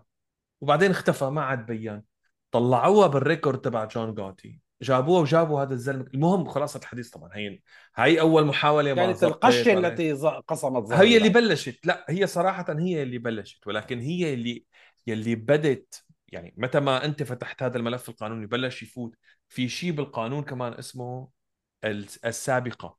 يعني فلان إذا في سوابق. عليه أيوه precedence في إنسان عليه precedence ف إيه لا لحظة هو عامل كذا وعامل كذا وعامل كذا. نرجع للنقطة المهمة اللي لازم نقولها حبيباتي آه، يمكن لازم بس شوي هيك شوي شوي صغير نطول بالنا. نحن جداد على التعامل مع القانون. تذكروا نحن نشأنا ببلد حكمتنا بش حافظ الأسد وابنه الله لا يوفقهم هن الاثنين ويلحقوا بأبوه. آه، حطونا بصندوق أسود مظلم كتيم لمدة خمسين سنة. نحن آه، حرية ما بنعرف شو هي. تداول سلطة ما بنعرف شو يعني.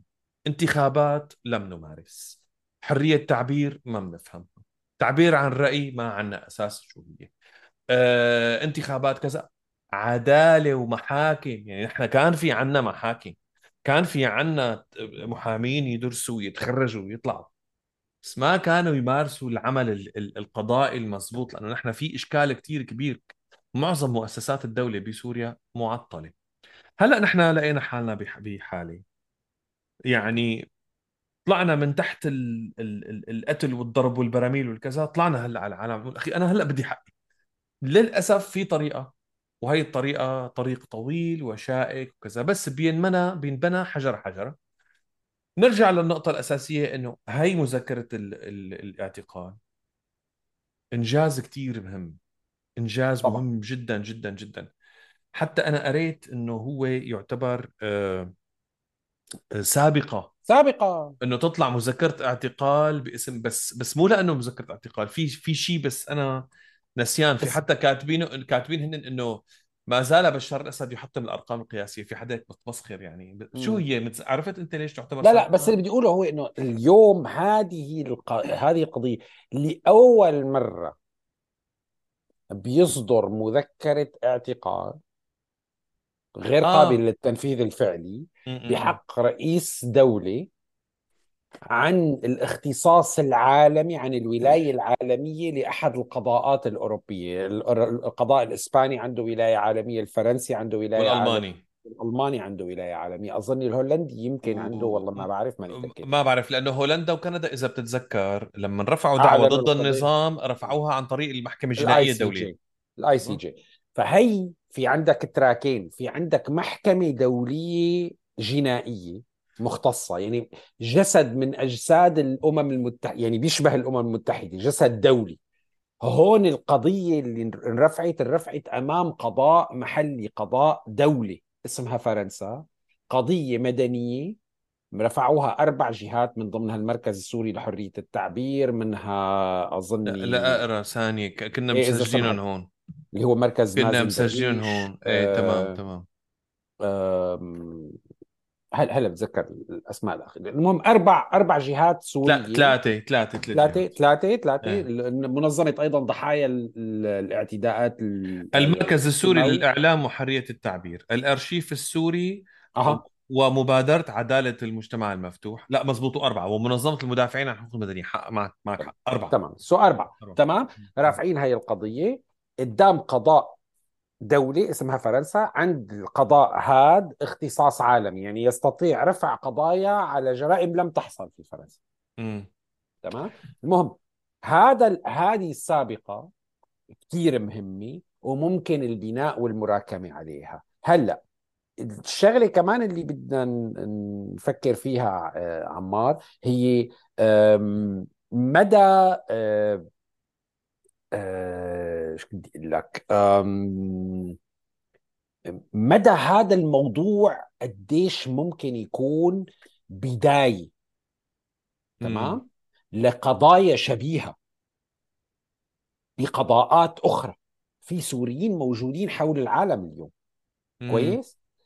هاد ممكن كثير يراكم قصص على هذا النظام اليوم النظام مو بس هدفه الاستمرار بالسلطة هذا هدف الاستمرار بالسلطة على ما يبدو أنه تحقق له. هلا طبعا ضمن الظروف الحالية ممكن تتغير هاي الظروف يعني ما بنعرف. لكن ضمن أمم. الظروف الحالية هو بالنسبة له اعتبارا عفوا من 2018 تيقن من إنه هو باقي في السلطة بالمعنى الحقيقي للكلمة. طهر آه، حلب بين قوسين طهر ريف دمشق انتهى.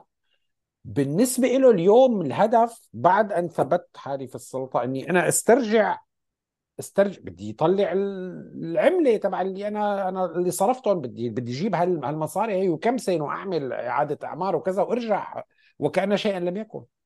هذا الشيء اللي هو مطمعه للنظام هي القضايا تقف عقبه مش. أيوة يا عيني عليك. هي هي النقطة المهمة كتير. أنت لن تستطيع أيها السوري اللي سقط لك حدا أو اللي بدك تشوفه معلق على مشنقة لن يتحقق لك ذلك في القريب العاجل.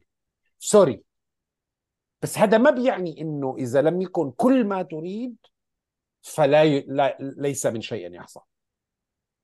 كويس؟ هناك طريقة مثل ما أنت قلت بطيئة تعمل فيها هذه ال... هذه ال... ال- الميكانيكيات تمام؟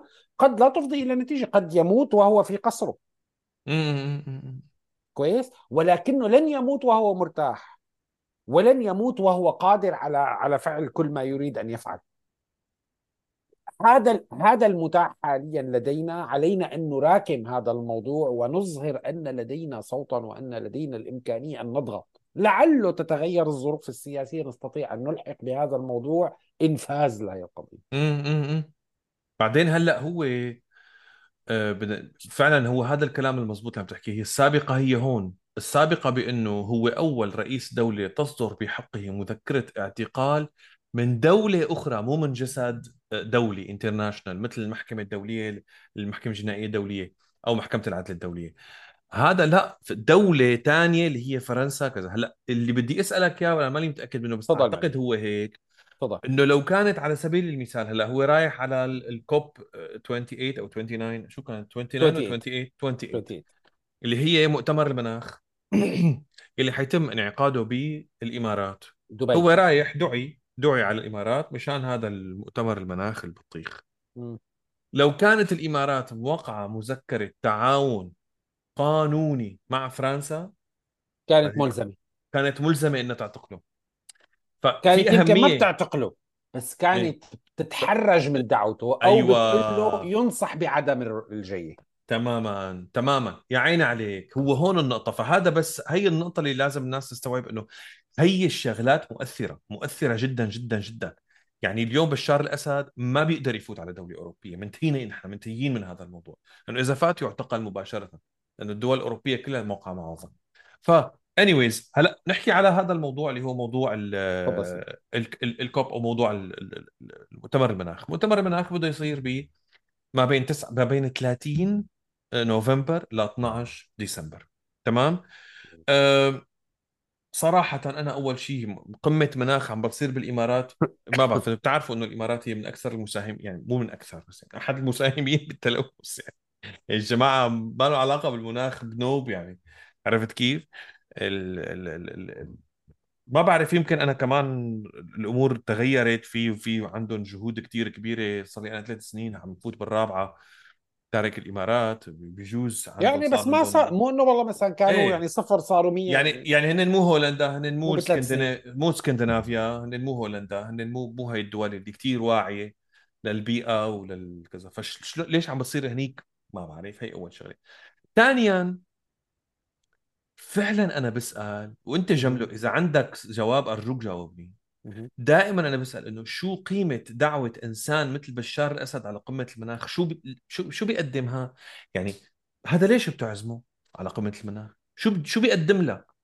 يعني سوريا شو دخلها بالمناخ يعني؟ يعني لأنه عم تعزمه على على على على القمة لأنه آه، مناخ اخت البلد تبعه يعني ولا؟ مثلا يعني. إيه يعني مثلاً. انه ليش عم تعزمه يعني؟ أخي أول شيء ليش بدبي؟ قمة مناخ؟ لأنه الإمارات معها مصاري وبدها ال- بدها ال- بدها تماما. بدها المناسبة. و COP ك...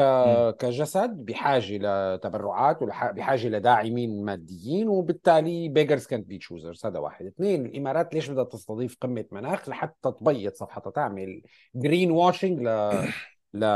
لل record تبعها؟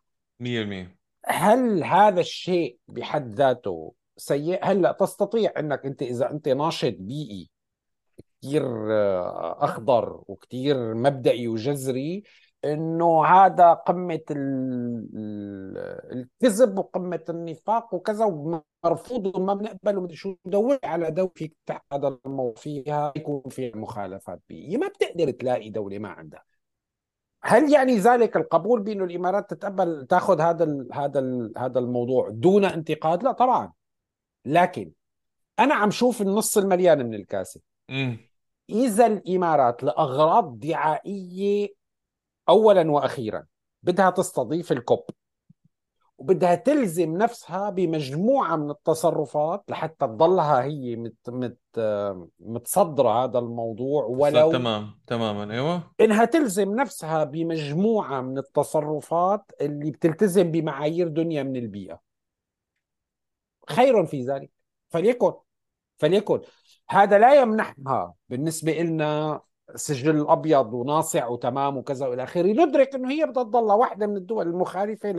لهي الأنظمة. ولكن إذا كانت مخالفة 100% صارت مخالفة 90% أنت حسنت 10% فليكن ذلك. أنا ما عم أقول هون الرضا والقناعة بكل شيء. لكن كمان هذا زت كل شيء هيك مع جنب. يعني خلينا نتمهل شوي. اليوم أوكي. الامارات اليوم الإمارات حتى ندرك أيضا شغله للمهتمين والمهتمات بالبيئة. ثمة أشياء يجب استيعابها. نحن اليوم حياة البني آدمين قائمة على كثير من الأشياء حتى العاملين والعاملات بالبيئة ما بيستغنوا عنها. في أساسيات لل... لل... لل... للمعيشة اليومية تبعنا والحضارة البشرية قائمة على منتجات. هاي المنتجات بدها طاقة لت... ل... ل... ليتم إنتاجها بدها طاقة ليتم شحنها من وإلى كان كان آخر. و... وتضافر هي سلاسل التوريد العالمية هي أساس أساس للعيش أينما كنا في في أي مكان في في هذه في هذه الأرض. لا يوجد مجتمع على الأرض اليوم قادر يسكر على حاله الباب لحتى يخفف من ال impact البيئي تبعه آه ويكتفي ذاتيا بكل المنتجات اللي بيقدر ينتجها محليا لأنه لا يملك المواد الأولية تبعها بالأساس وهي تمام. المواد الأولية بحاجة لسلاسل توريد وهي سلاسل توريد بحاجة لطاقة والطاقة بحاجة لمين يستخلصها وي ويطلعها من تحت الأرض لأنه لليوم ما قدرنا ننتج مجموعة من من الطاقات المتجددة القابلة للاستخدام آه بالأفعال اللي لها علاقة بعدم وجودها بقرنه ثابتة. يعني الطاقة الشمسية بدك بدك خزان شمسي موجود على قرنه معينة ثابتة راسخة.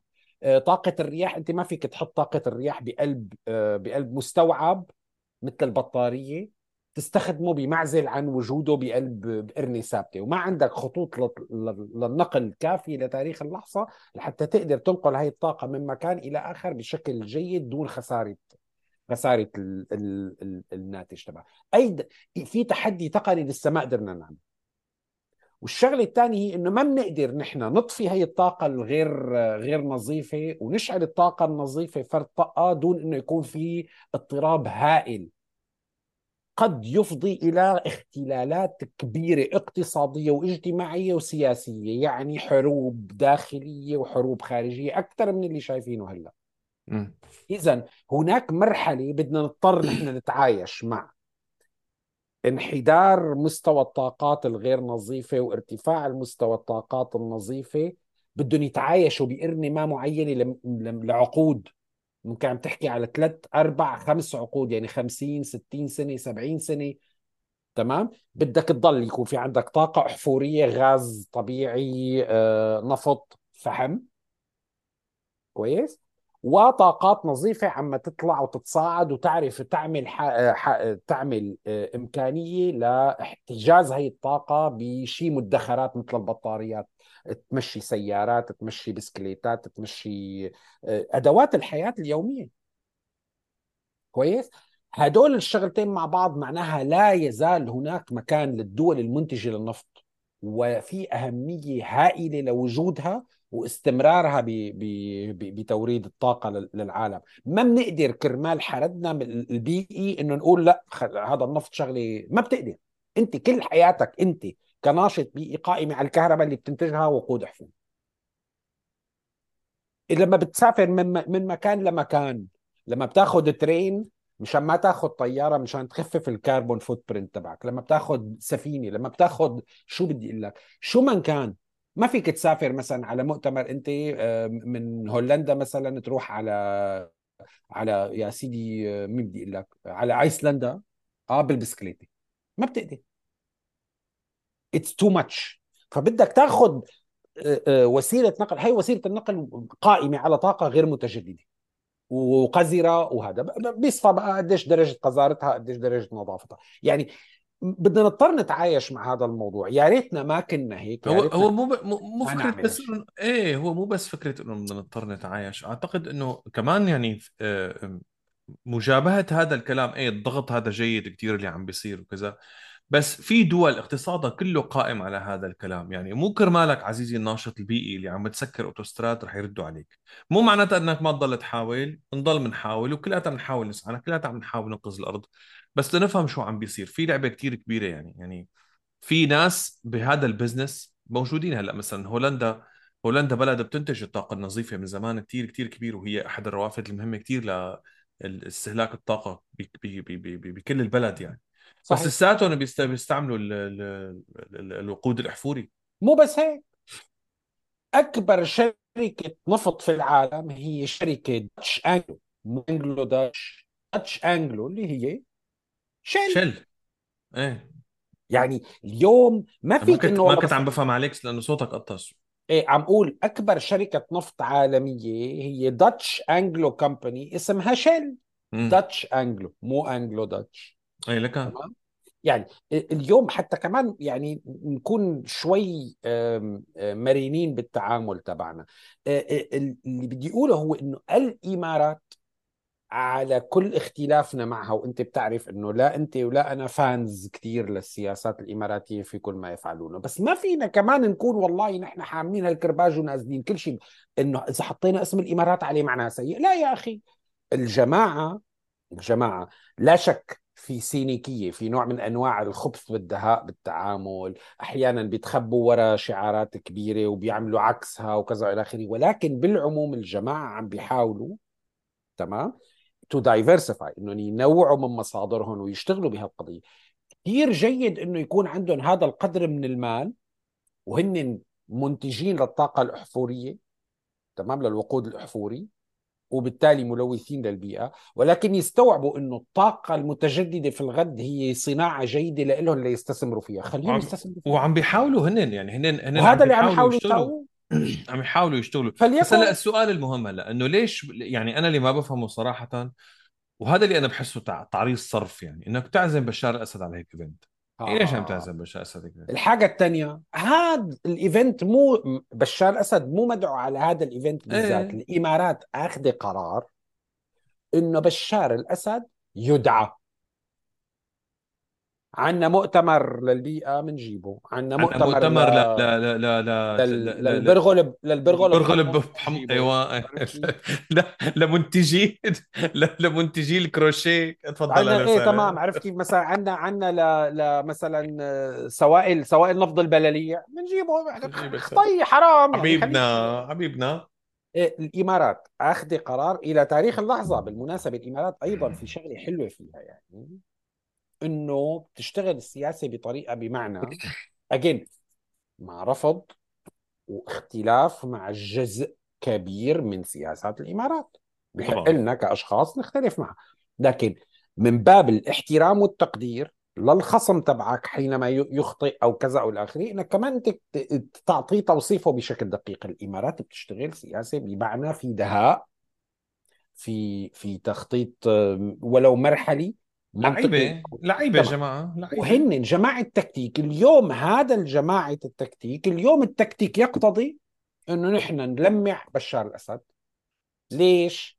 لحتى نعمل لحالنا كيف قطر أنا هذيك اليوم قلت لك بال... بال... باللايف تبعنا قلت لك قطر أخذت لنفسها خط إنه تكون آه، الجهة صندوق البريد الذي تتوجه إليه الأنظمة والحركات التي لا تملك أي حدا بالعالم يحكي معها. هن ملجأ المقطوعين.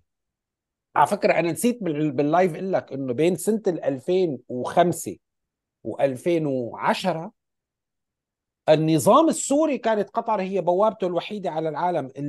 الأمير صح. القطري ما هذا بيورجيك قديش بشار الأسد ندل وكلب وتافه وحقير وسافل وبيعض الإيد اللي بتنمد له واللي عم تطعميه واللي حاطط شو اسمه تبعه بحلقه لبشار الأسد. أمير قطر.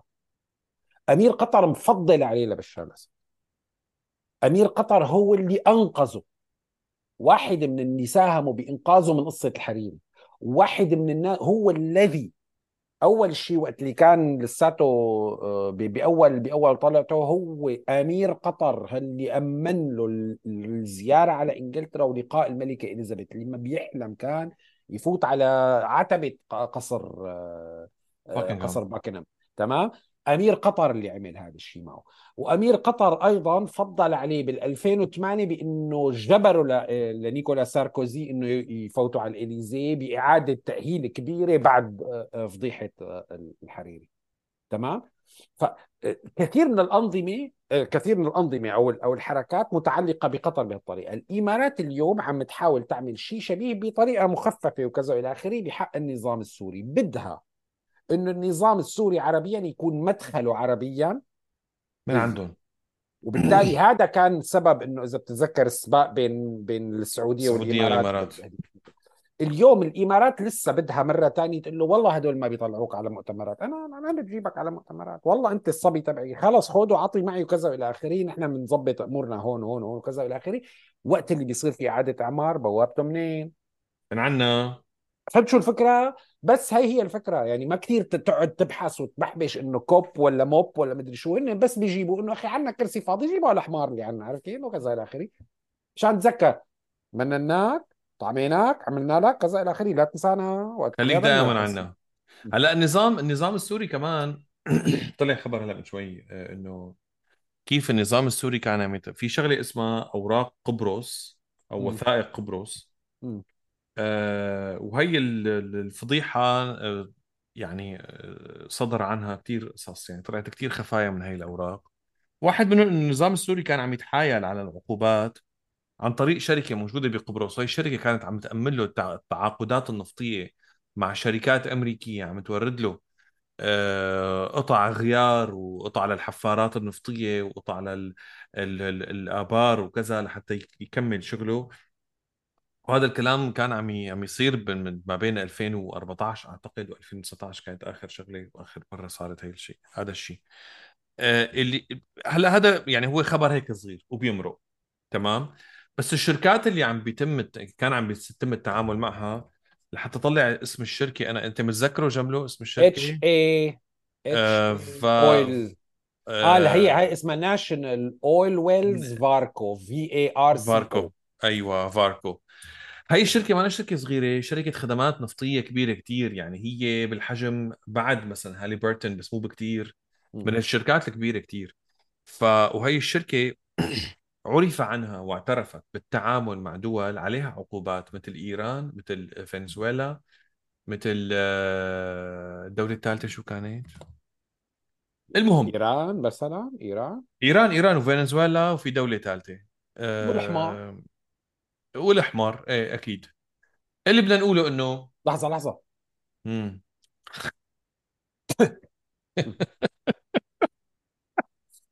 لا ف- لأنه يعني لازم عرفت كيف؟ ضرورية القائد واجبة. لك لك لك.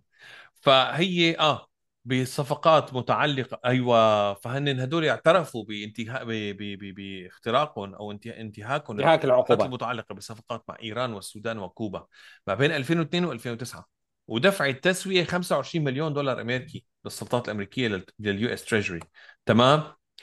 هلأ هون بس نحن اللي بدنا نقوله إنه النظام ليومنا هذا قادر لساته يتلاعب يخترق العقوبات عم يساوي من هون. بس تذكروا كتير منيح إنه رغم كل شطارته رغم كل ملعنته رغم كل الأطراف اللي مستعدة تشتغل وحتى لو كانت كبيرة وثقيله ما زالت القوانين والعقوبات تؤثر تاثيرا كبيرا جدا جدا جدا جدا بالنظام. وللأسف العقوبات عمياء كمان عم بتأثر على المواطن السوري. بعرف أنا هذا الحكي.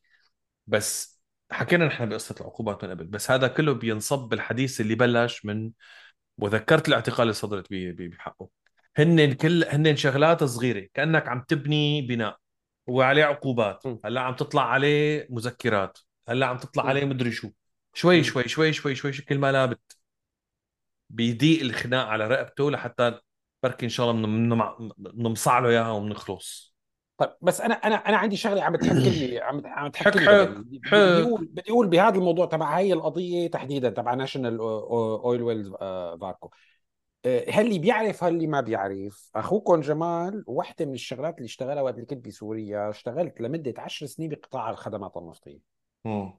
كنت موظف بشركات آه، إما سورية تعمل في قطاع الخدمات النفطية آه، تتعامل مع شركات الفرات للنفط والسورية للنفط ودير الزور للنفط هدول الشركات تبع الدولة اللي عاملتهم آه، شركات مساهمة مع شيل وحدة مع إلف وحدة مع والشركة الوط... النفط الوطنية اللي هي السورية للنفط.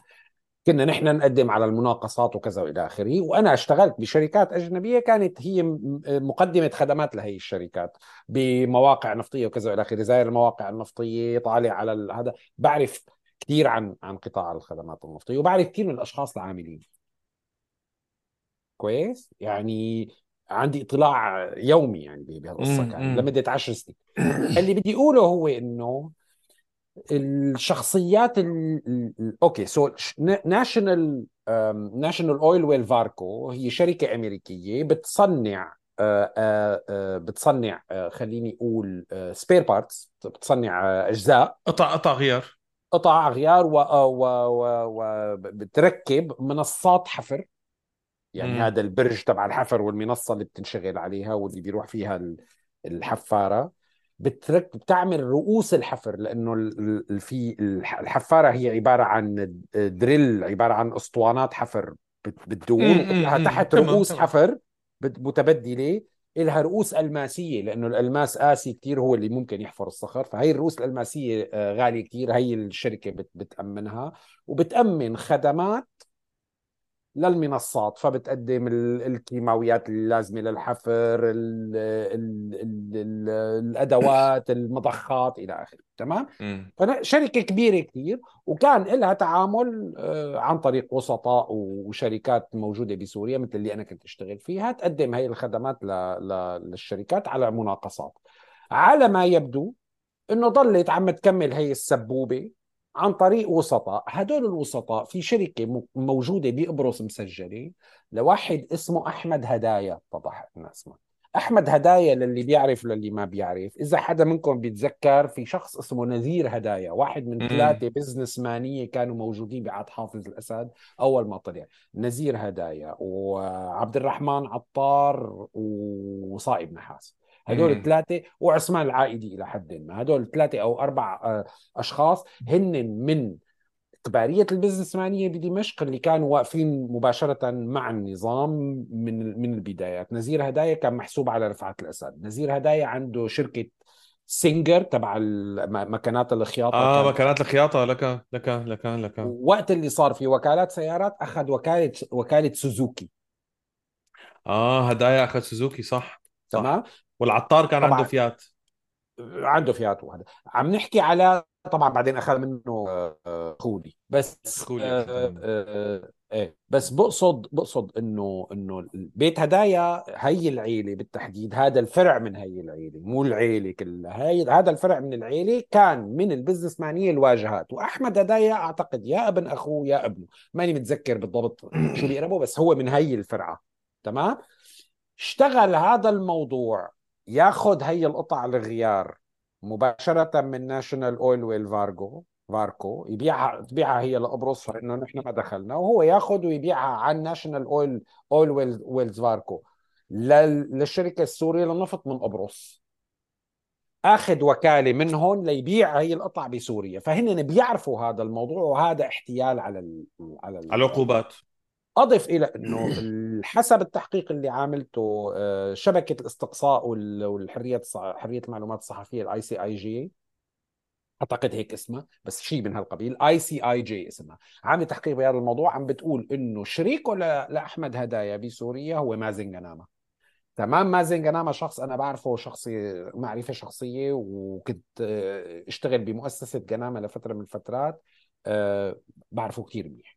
وهو زلمه للباطنه عنده أخين واحد منهم حيادي والأخ الأكبر اللي هو شخص كثير محترم ماله هيك ولكن آه، آه، مازن محسوب جدا على النظام. آه.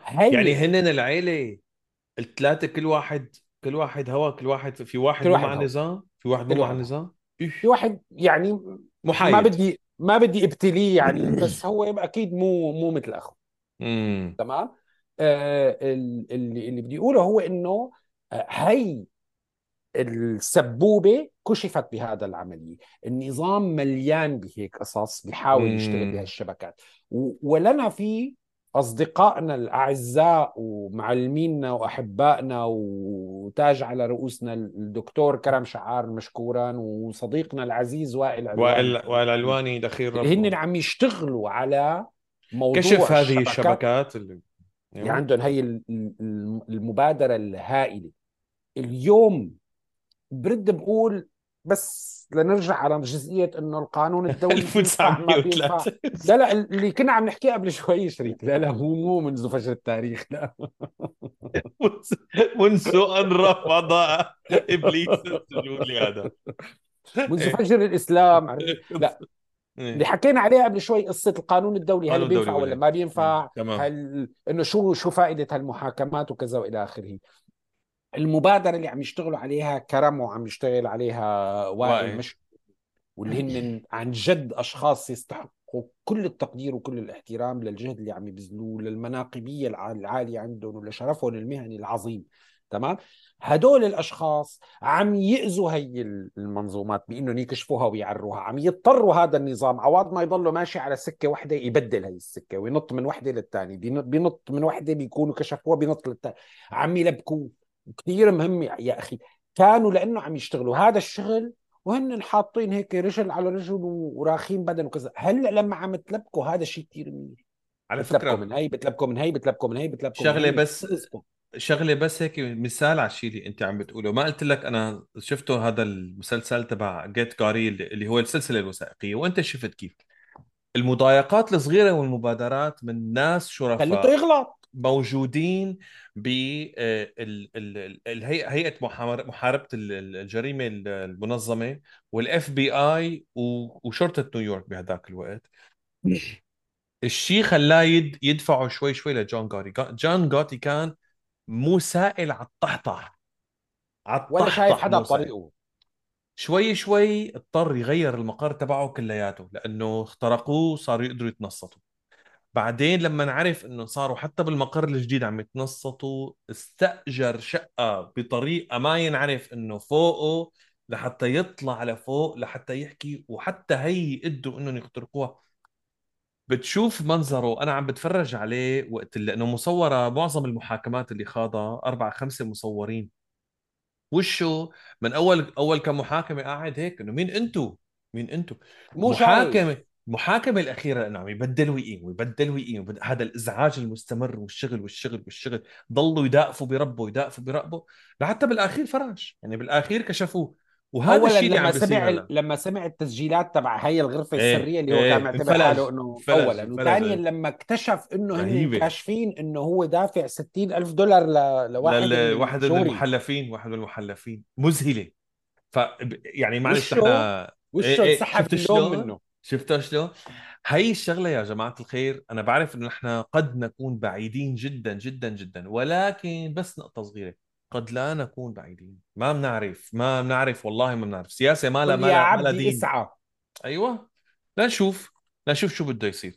هلأ نجي على الموضوع ال ال ال ال ال الأساسي. بدي بس أذكر شغلتين وما بدنا نطول عليهم. هلأ أرجوكم لا تنسوا لا تنسوا الشمال السوري. مثل ما عم بيصير مو مثل مو مثل. يعني في أزمة بغزة. وهلأ عم نحكي نحن عن عن حرب اللي عم بتصير بغزة وعن هالعدوان ال- الإسرائيلي.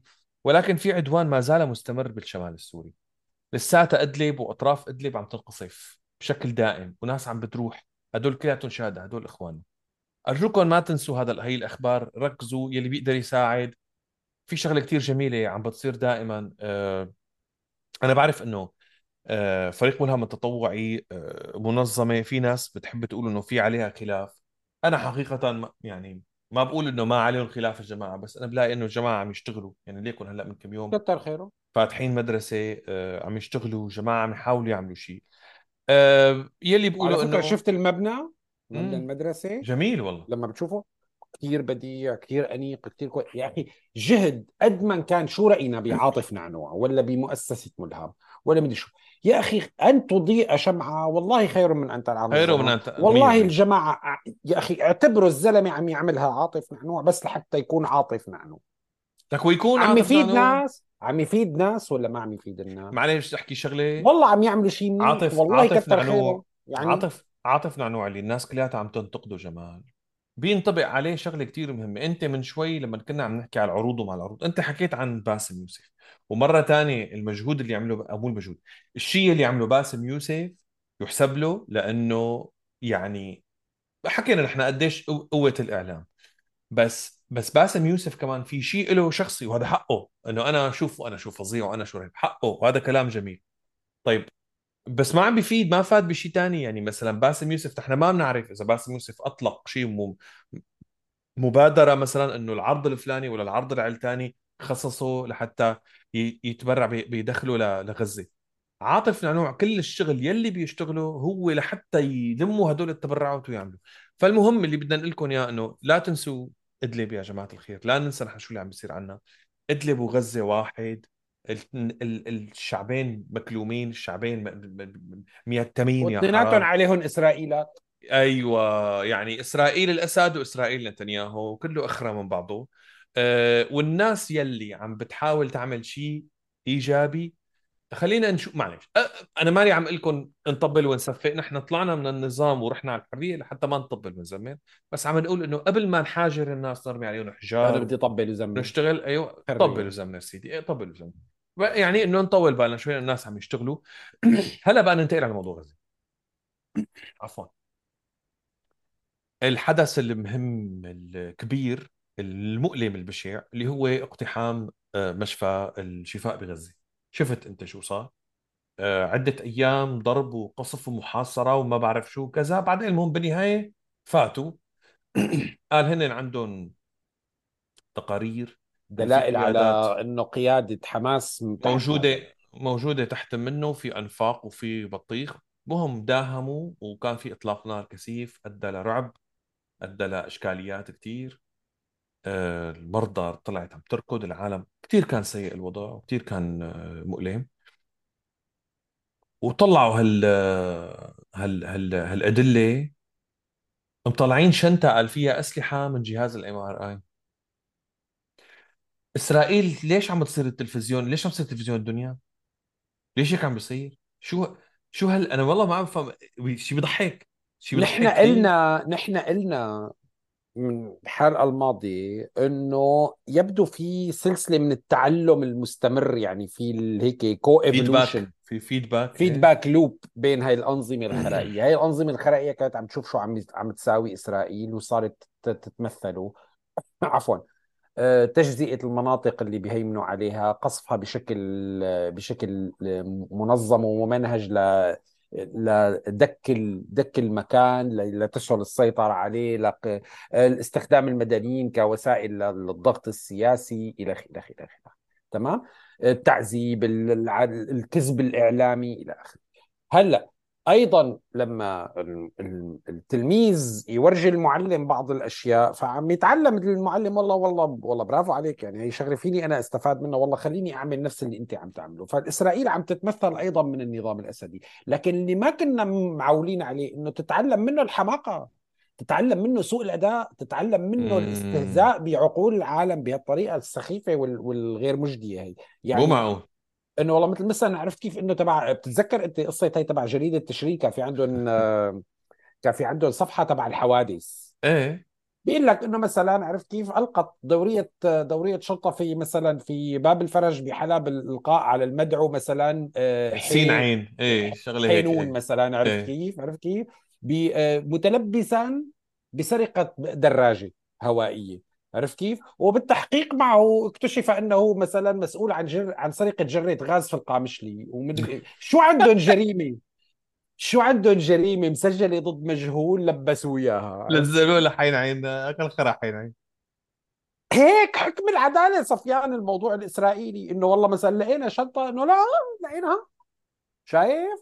رشاشات و RPG ات موجودة بال MRI امم إنه نحن شو قريت tweet قريت وقد جميعاً. بالضحك كاتبها صديقنا المشترك حبيبنا ال ال ال الحكيم آه، طه بالي.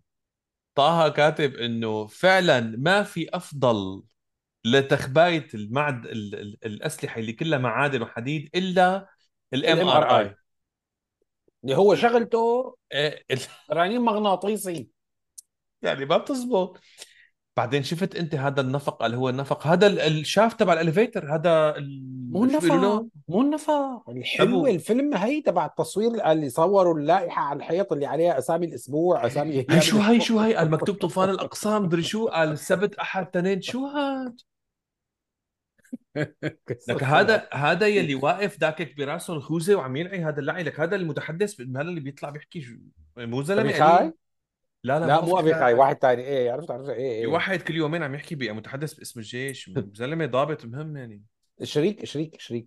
اليوم إذا حكي كنت تريد أنا أنا الحقيقة عم أقولها لل, لل... يعني هذيك اليوم الطلاب عندي بال... بال... أنا عم عم عم درس عم عم درس امم تمام بالجامعة امم اسمها بينج إزرائيلي امم كل النقاش فيها عن إشكالات الهوية اللي موجودة هنيك عن الإشكالات تبع بنيان هذا ال ال ال ال الكيان وكذا والى آخره. فعندي طلاب إسرائيليين أنا بال بال بالحصة.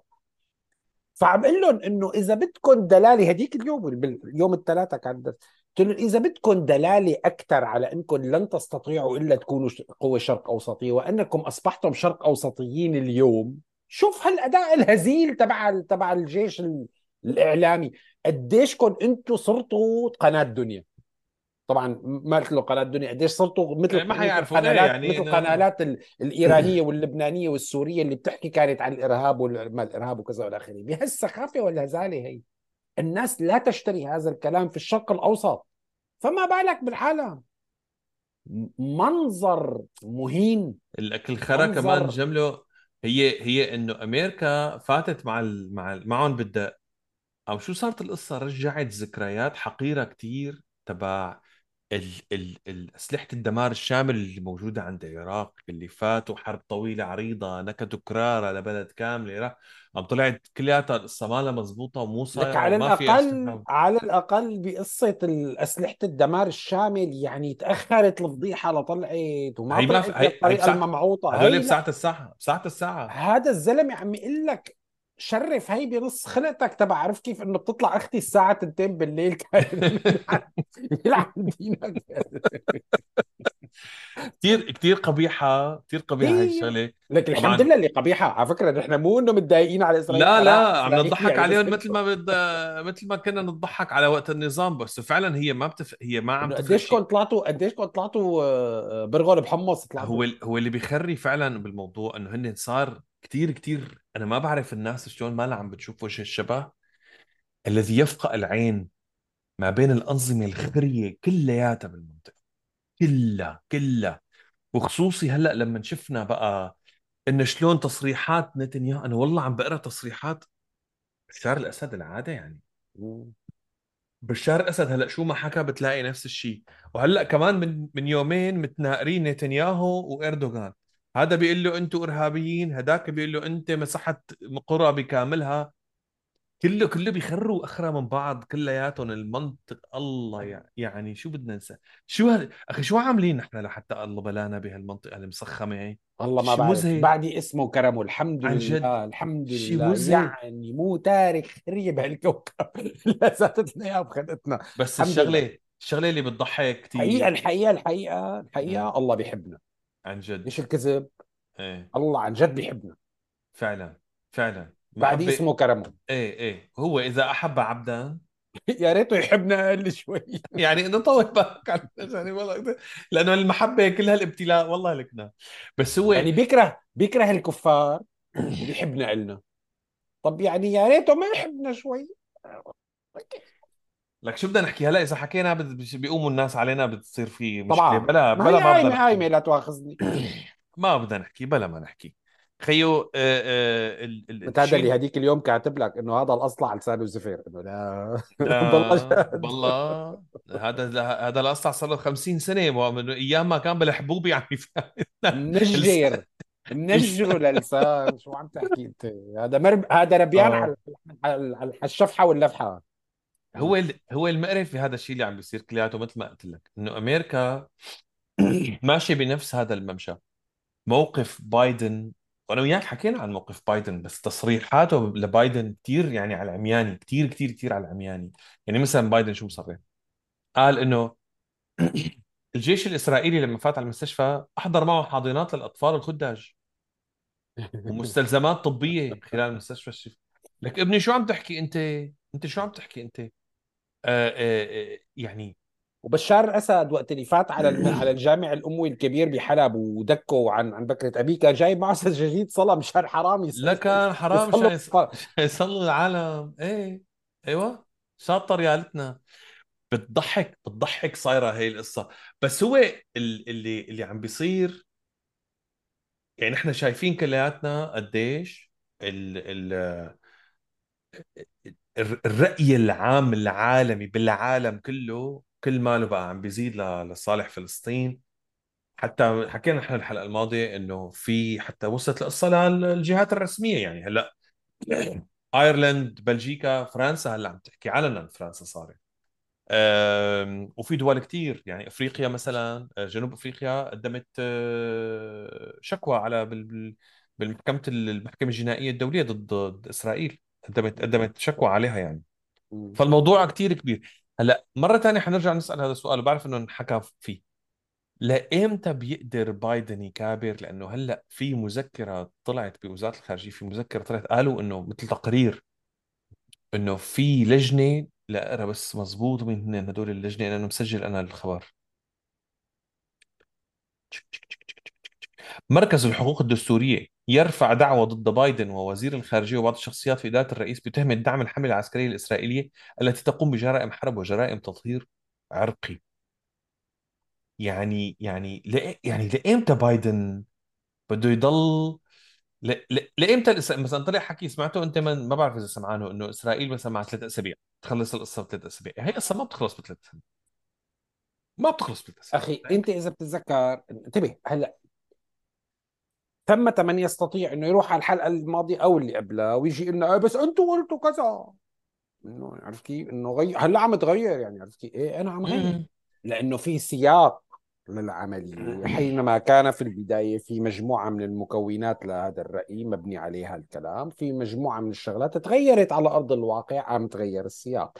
البني آدم اللي بيضل واقف عند الكلمة تبعته في سياق متغير. هذا مشكلة التحليل ولا تؤاخذني؟ تحصل. ولا تؤاخذني؟ لا أنا ولا لا أنت بنشرب شاي لمدك العصر المعلومه لا وبنشرب شاي العصريات مع بايدن والمسويات بناخذ براية مع بشار الأسد وبعد الظهر بنقعد مع نتنياهو. ما نحن اللي بنسمعه يلي بن- بنحاول نعطي رأينا فيه هي يعني. إيه لما أنت عم تحلل شغلة عم تحصل فيها متغيرات هذا التحليل بده يلاحق هاي التغيرات. ما فيك تقول بتقول إذا ثبتت الأمور على كذا فالمحتمل أكثر يكون كذا أو كذا. حينما يحصل تغير ما معين بدك تغير هاي النظرة. هذا طبيعي صحيح. وهذا منطقي وهذا مو تغيير كلام وهذا مو زبزبي.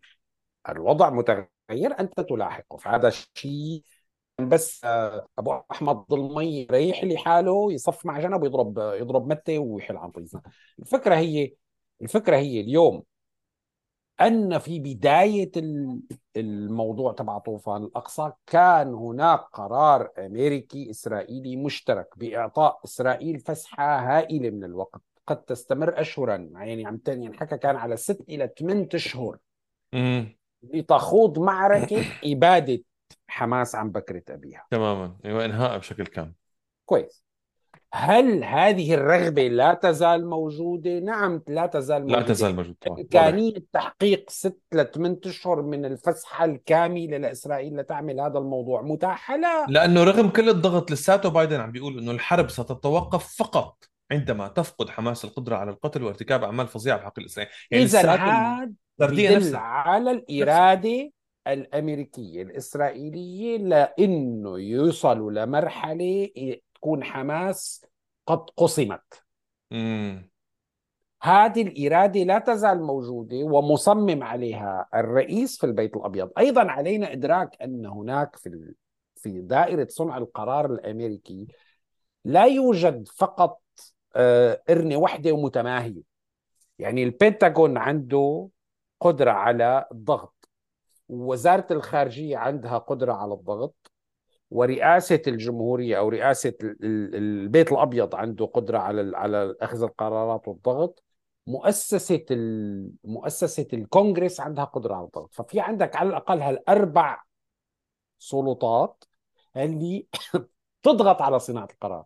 بلحظات ما معينة صانع القرار الأساسي بيكون بالبيت الأبيض ممكن يقول لهم لا ما عجبني وأعمل. حسب السياق السياسي تبعه الداخلي شو وضعه الاقتصاد العالمي شو وضعه الحلفاء تبعاته شو وضعهم الوضع على الأرض شو وضعهم بيقدر يقول لهم لا أنا هذا باخذ القرار. تمام؟ أحيانا بيضطر إنه يضغط على البنتاغون للحظات بعدين بيوقف هذا الضغط بالبنتاغون بيضغط عليه بيقوم بيضطر يوقف. اليوم هذا الموضوع لا يزال عم أواني مستطرقة لسه ما وصلت لارمي إنه نسدد كل الطرق وصف البيت الأبيض ماشي وحيدا بهالقصة والبيت الأبيض ما بيمشي وحيدا بهالقصة.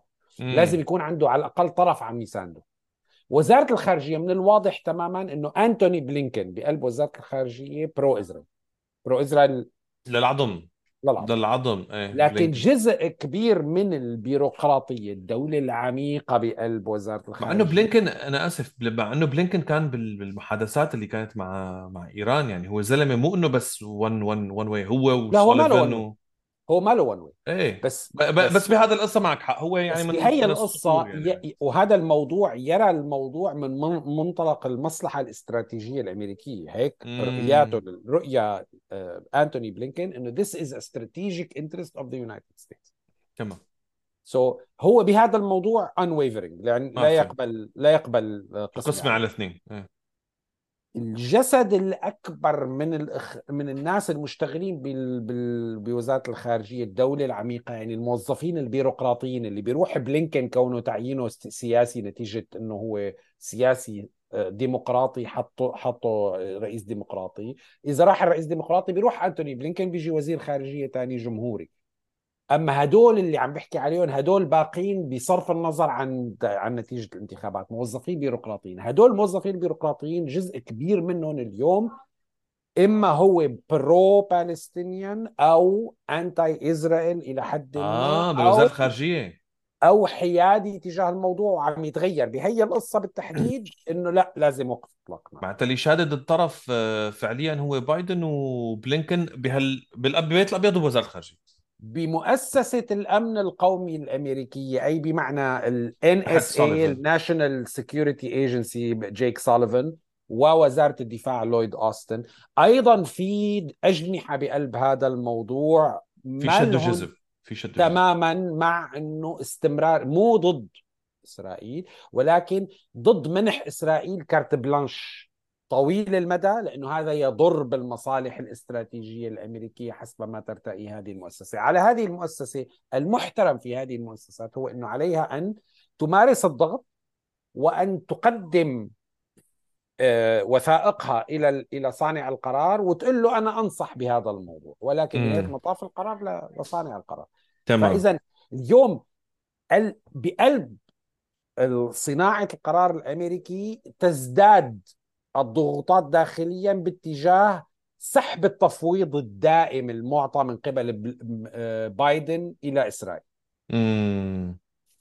هل سحب؟ لا، هل هذا الشيء ممكن أن يكون مقبلا؟ نعم، هل هل هل تسارع الأحداث وسوء الأداء الإسرائيلي اعلاميا تحديدا يعني إسرائيل لأول مرة اعلاميا ترتكب حمقى هن اسياد اللعبه الإعلامية كانوا اليوم إسرائيل رغم قوة حضورها بالإعلام الأمريكي ورغم إنه عندهم رسالة متماهية وعم بيأدوها إيه، في ترهل بالأداء الإعلامي وما عم يحققوا الأهداف اللي بدهم إياها بإقناع الجمهور الأمريكي مثل ما كانوا سابقا. جزء منه له علاقة بإنه الجمهور الأمريكي ابتعد عن ال pro Israel right or wrong يعني آه، نظرة. وجزء منه سوء الأداء الإعلامي بمهازل من نمط مثلا هذا ال الأداء السخيف اللي عملوه ب ب دخول على المستشفى. أيوه. فإذا اليوم بأمريكا البساط يسحب من تحت هذا التفويض رويدا رويدا الممنوح لإسرائيل بأنه يروحوا للنهاية ما بتوقفوا إلا وقت اللي بتكون. قد نشهد في الأيام القادمة إنه هذا الموضوع سيصل إلى مرحلة ضغط لن يستطيع بايدن تحملها وقدر ما يريد هو منح هذا التفويض على بياض للإسرائيليين لن يستطيع الاستمرار فيه. وبالتالي أعتقد أنه النافذة اللي كانت مفتوحة ببداية طوفان الأقصى أمام إسرائيل على مصراعيها الأمريكيين الآن تضيق. هل هل, هل هي هل لما بقول أنا تضيق الأصدقاء بيقول لك تضيق معناها يعني قربت تسكر لا مو بالضرورة قربت تسكر بس إذا كانت 100% اليوم 70 بس بكرة ممكن تكون 65 اللي بعده 50 يعني فهي تضيق هلأ اللي مثلنا ومثلك يا صديقنا المشغول والمهجوس بهذا الموضوع ما بيرضيه إلا حلول جذرية إنه لا ما بدنا إياها تغلق ونستنى وكذا لأنه الناس عم بتموت لازم تغلق. هلأ شلون فينا نغلقها؟ هلا ما في. ما في حدا بيقدر يغلقها هلأ. وما في أي قوة بالأرض بتقدر أنت تعمل أي شيء كلك ومع أصلا ما في أصلا ما في مساعي ما في مساعي دولية حقيقية لوقف إطلاق النار حقيقه ما في شيء يعني ما في اليوم أن يصل إيمانويل ماكرون مثل ما قلنا بالحلقة الماضية إلى مرحلة يضطر فيها يغير خطابه. وهذا الشيء غير من يعني ما أجدى شيء لسه على الأرض ولكن هدول مقدمات القصة هيك بالتراكم عم تمشي. لأنه نحن ضعاف سخفاء هزلاء ما عندنا إمكانية للتأثير الفاعل بال... نستنى نستنى الباقي الثانيين يحكوا. بدنا إذا نستنى الظروف عم نحاول نساهم بتغييرها وإنه هذا التغيير بطيء وعم بيموت أشخاص كثير بهالأثناء ما عندنا حلول ثانية ناجعه لكن هل هذه مؤشرات نحو إنه هي النافذة ستغلق؟ نافذة ستغلق. هل ستغلق بالوقت اللي بدنا إياه؟ لا. هل ستغلق دون أن تصل إسرائيل إلى هدفها لا. ستصل إسرائيل لجزء من أهدافها. لن تصل لن تصل بالضرورة إلى هدفها maximum. إيه، أكيد ما راح تصل لهدفها ال maximum. ولكن هل ستقف عاجزة تماما وما تحقق ولا شيء على الأرض؟ لا راح تحقق شيء على الأرض. لن يسمح بإغلاق هاي النافذة تماما دون أن تحقق بدون أن تحقق طبعا وجزء كثير من أهدافها هلا بس إسرائيل كإسرائيل هلا هون بدنا نحكي بقى على الطرف الثاني نحن. إسرائيل كإسرائيل بي بي حاليا بأزمة على عدة آه، مستويات. والدليل على هذا الموضوع إنه البلد كثير متاثره إنه إسرائيل هلأ عم تتعامل وكأنها دولة بوليسية مع الداخل سواء مع الفلسطينيين الفلسطينيين فهمنا الفلسطينيين اللي هن بالمناطق المحتلة أو الفلسطينيين اللي عايشين بالمناطق ال 48 هدول عم بيعانوا الأمرين من يوم يوم ودائما في عليهم ضغط وهن يعتبروا مواطنين درجة ثانية إلى آخره. ولكن هلأ في ضغوطات على الإسرائيليين يعني الإسرائيلي الإسرائيلي اليهودي يلي عم يحكي ضد الحرب واللي عم بيقول أوقفوا آه، آه، إطلاق النار. يلي عم بيقول مثلا إنه لأ ما بصير نحن هيك فلسطين. عم ينعفط عم ينعفط وعم يفوت على السجن وعم يقعد. مو إنه بيفوت مثلا خمس ساعات ولا ساعتين وبدأ. لأ الناس عم تقعد يوم يومين وثلاثة. وأنا قلت لكم المرة الماضية إذا بتتذكر خبرتك في صديقي كوميديان كان المفروض يجي لهون. ما له مسترجي يجي إجازة يومين لا مو إجازة طبعا هو جاي يعمل عروض يعني بس ما له ما له قدران يجي ولو حتى أسبوع. قال لي ما بقدر أترك مرتي والأولاد هنيك والوضع ماله ماله ماله ابدا بيطمن لأنه هو من عام 48 إيه بحيفا هو موجود إيه. فعم بيقول لك إنه أخي أنا لا ما بضمن بنوب لأنه في في وقت اللي إذا واحد عم بيحط like على post في مين عم بيراقب. فإسرائيل عم تنزلق انزلاق هيك غريب نحن بننسى. نحو نحو نحو نحو نحو نحو كونها دولة دولة بوليس. لا نحن بننسى. آه. نحن بننسى. والحقيقة بننسى مو لأنه نحن نسايين بهالمع... بهالموضوع بالذات نحن مالنا ملومين مو نسيانين لأنه نحن غشمة. نحن بننسى لأنه الصورة التي تم تصديرها لنا وللإسرائيليين اليهود بالمناسبة خلال فترة ال 30 سنة الماضية على الأقل تماما. هي صورة دولة أنظمة وقوانين وكذا وهي الديمقراطيه كذلك الديمقراطية الوحيدة في الشرق الأوسط. وهي كذلك بالمناسبة بجزء كبير من هذا ديمقراطية على طابقين فيها ابارتهايد يعني ديمقراطية لليهود وشبه ديمقراطية شوي للعرب وتسحب وقت اللي بدهم إياه. لكن اليوم عم تسحب من العربي واليهودي. ليش؟ لأنه ننسى نحن أنه في بإسرائيل منظومة ناتجة عن وقت التكوين تبعها. هي نش... نشأت عفوا في تحت معارك وكذا وإلى آخره. في رقابة حربية. مم. رقابة حربية على الصحف. عفوا. عفوا. شو مالك؟ هالسكت.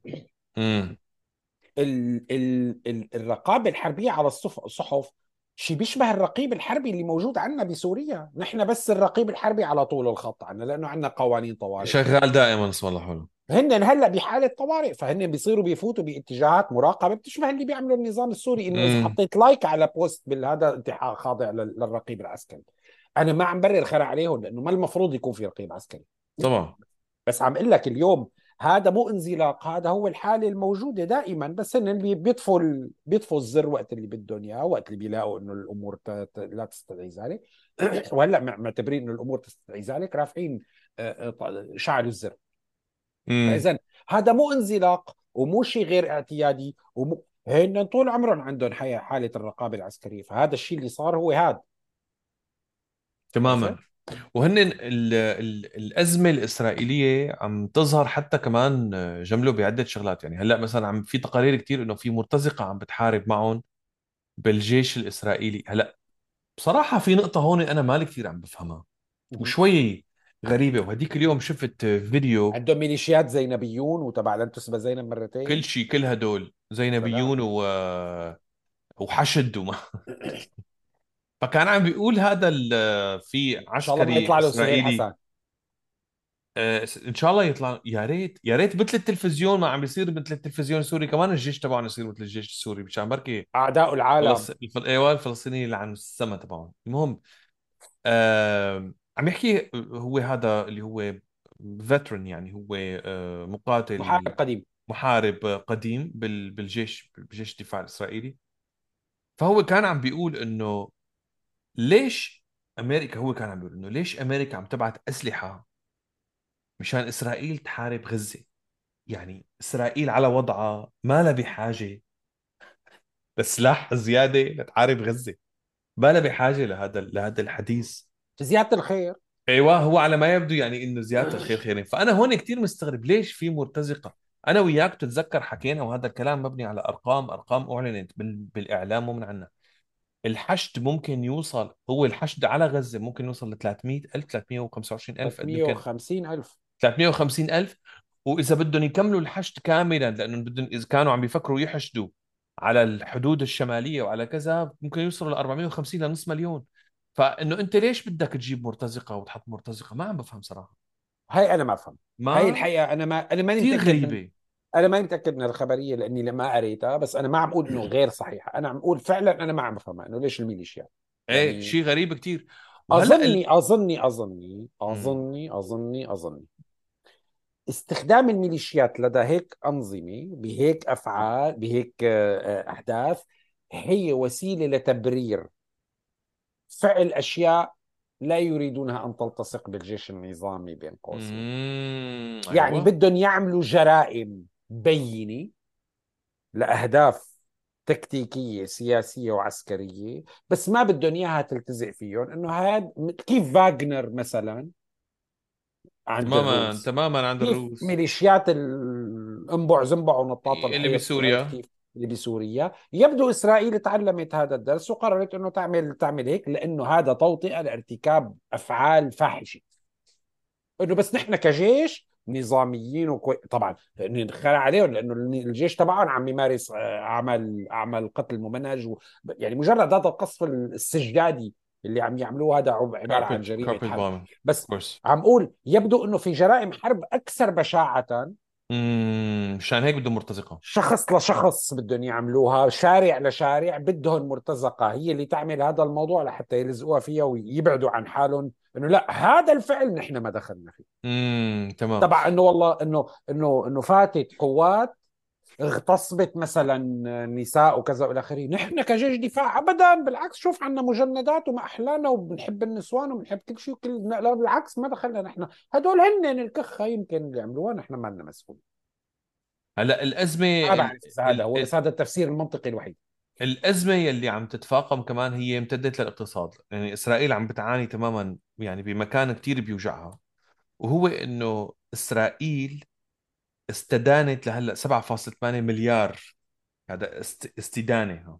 ليش استدانت 7.8 مليار لأنه بشهر أكتوبر هذا اللي مرق شهر أكتوبر اللي مرق إسرائيل كانت العجز بالميزانية تبعها 6 مليار دولار. 6 مليار دولار. كل يوم الحرب بتكلفها لإسرائيل 260 مليون دولار. كل يوم. هلا المشكلة مو هون شريك. المشكلة هي فوات ال... فوات ال revenue مو التكلفة. يعني أنا عندي تكلفة شو قصدك 270 بفوات ال revenue شو يعني؟ آه أنا في عندي نمطين من الخسارة بإسرائيل أنا في عندي out of pocket expenses عم حطها كل يوم. أنا عم تمام. حط هذا الم... هدول 270 260 مليون يومي مليون مليون دولار يومي هدول. عم بصرفهم أول طالع صباح. بس أنا كمان عندي مفروض مقابل كل شيء بصرفه عم يفوت لي دخل. أنا في فوات بالدخل. إيه يعني هذا اللي كان. عندي هذا اللي كنا كان بدنا عندي كان عندي معامل عم تشتغل بطلت عم تشتغل. كان عندي tech sector عم يشتغل ما عم ما عم يشتغل. في ناس عم تشتغل بال tech sector أنا سحبتهم وحطيتهم زتيتهم بالاحتياط وعم أصرف عليهم فوق ما ما عم يدخلوا لي مصاري. وأنا في بنوك واستثمارات تجمدت أو انسحبت شايفوا هذا اللي عم بتقوله؟ هذا الخسائر بالمصرف المركزي نتيجة لهذا الكلام اللي هو الدخل الذي خسرته إسرائيل بسبب الحرب. ما عم نحكي مصروفاته. يعني ما كان من المفروض يفوت عليها. 8.2 مليار دولار.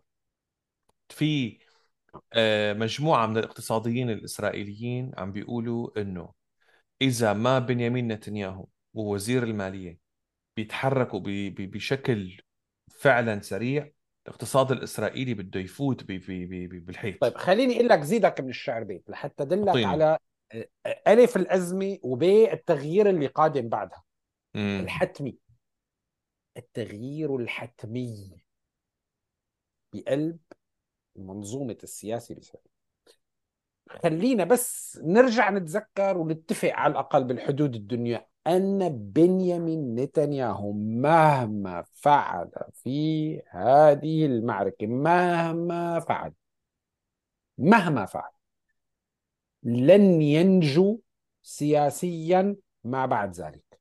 وهذا بالغلط يعني أن مرحلة نتنياهو بكل هذا الطقم الحاكم معه ف... ف... فرطيت.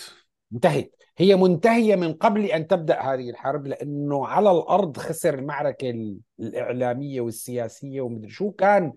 يعني في أزمة سياسية قادمة في إسرائيل قبل أن تقوم معركة 7 أكتوبر.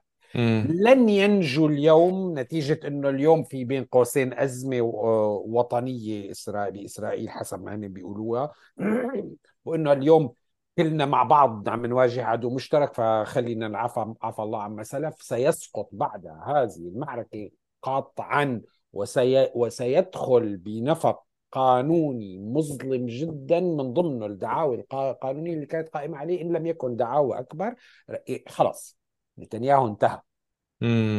إذا اللي بدنا نستوعبه اليوم أن هناك تغيير قادم حقيقي نتيجة هذه المعركة. أيضا وأيضا هناك اليوم حتى كمان نستوعب نستحضر هذه القصة. هناك تراكم هائل بالثروة. امم لدى إسرائيل. صح. ما عم بحكي على الأغنياء اليهود اللي ساكنين برا واللي واللوبي الصهيوني وال... وبارون روتشيلد وال... والإلوميناتي وهدول الأكل الخرا والعلاك المصدي اللي بتحبوا تحطوه أسياد المال يعني يعني مو أسياد اسياد المال. مو أسياد المال؟ تمام. شيلك من هذا اللي موجود ولكن يجري بتضخيم ومبالغة فيه وبروتوكولات حكماء صهيون اللي بتحطها بطيزك أخي أحمد أبو أحمد الضلمي اللي ما لها قيمة ولا لها ولا. لها ولا لها مكان من الصحة. اليوم إسرائيل على أرض الواقع نريد أن نعترف أو لا نعترف هي قوة اقتصادية مهمة وضرورية لكثير من الأطراف في العالم بما فيها السعودية والإمارات والقطر مو يعني بس للغرب الكافر الكذاب المسيحي العرفان تمام؟ في مصلحة الشرق المؤمن الحب لتركيا. لتركيا لتركيا لإردوغان الحردان من نتنياهو. أنا ما بدي حاكم خاصيك أنا عرفت كيف؟ اليوم في مصالح اقتصادية متشابكة أصبحت إسرائيل جزء من هذه التشبيكة وكذا وهذا الشيء لا يزال وسيبقى باقيا. هلأ هل يعني ذلك عودة الاقتصاد الإسرائيلي لتعافيه كما كان من قبل؟ لا. سيدفع ثمنا غاليا وباهظا. لكن في عندك اليوم مساعدة إجت مقابل 8 مليار دولار خسائر إسرائيلية. في 10 مليار دولار أعطيت مساهمة من قبل من قبل آه، الولايات المتحدة الأمريكية. 14.3 إذا بدك. ويجري الآن البحث مع الكونغرس يعني هلا ما بنعرف إذا بينجح ولا لا ولكن هناك الإمكانية لمساهمات عديدة. وأيضا في عندك أيضا وأيضا بعض من أكبر رؤوس الأموال البرو اسرائيلي بقلب الجالية اليهودية بأمريكا كل واحد منهم عنده الاستعداد يحط استثمارات بعشرات ومئات ملايين الدولارات لحتى يساهم باستعاده إسرائيل قادرة على أن تمرق عن هذا رح يسبب لها أزمة اقتصادية مهمة كثير ورح يعمل إشكالية ضخمة كثير بس لن تؤدي إلى الانهيار والتفتت مثل ما نحن بنتمنى. يعني مو مو مو مثل ما قال الشيخ أحمد ياسين إنه خلص 80 سنة حتفرض ما بنعرف يعني هو أدرى. الله يرحمه. الله هو منين أدرى؟ يعني الله يغفر ويسامحه و... و... الله ي... الله يرحمه. ويغفر له ويسامحه يعني. ويسامحه. أيوه. حبيت الإصرار على المسامحة. إيه. فهن هن الجماعة في عندهم أزمة حتما ازمه اقتصادية. كبيرة. إيه. بس مو معناتها إنه انفرطت مو معناتها إنه فرطت هلأ بس نهدي أعصابنا. لما حكينا كل هذا الكلام أعتقد مهم جدا هلأ نسمع إنه شو معنى هذا الحكي. هلأ دغري نطت العالم مثل ما أنت قلت تقول معناتها خلص انتصرت حماس. أخي يعني الحقيقة لا ما انتصرت حماس لساته الوضع سيء الوضع سيء جدا. القتال كتير شديد داخل داخل يعني اللي هو داخل المدينة يعني بغزة تحديدا بالقطاع الشمالي. وفي خسائر كتير كبيرة عم تخسرها إسرائيل بس كمان في ناس كثير عم تروح من حماس. قديش عدد القتلى الإسرائيليين اليوم؟ وصلوا يمكن شيء قيمك على المدنيين بالمعارك يعني عسكريين يمكن ما وصلوا 400 ألف.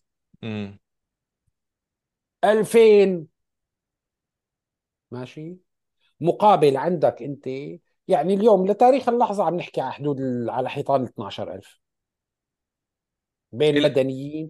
وعلى فكرة واحدة من الشغلات اللي بيقولوها الإسرائيليين واللي هن كذابين كذابين كذابين. هن كذابين هن كذابين علاكين شخاخين الاسرائيليين مو مزبوط مو مزبوط. بس شغلة بيقولوها هن. أنا بقول لك إنه فيها شقفة منطق يعني. هل هي بيقول لك إنه وزارة الصحة الفلسطينية المدارة بقطاع آه عم تحط أسماء. أيوه. تعلن أسماء دوغما. صح.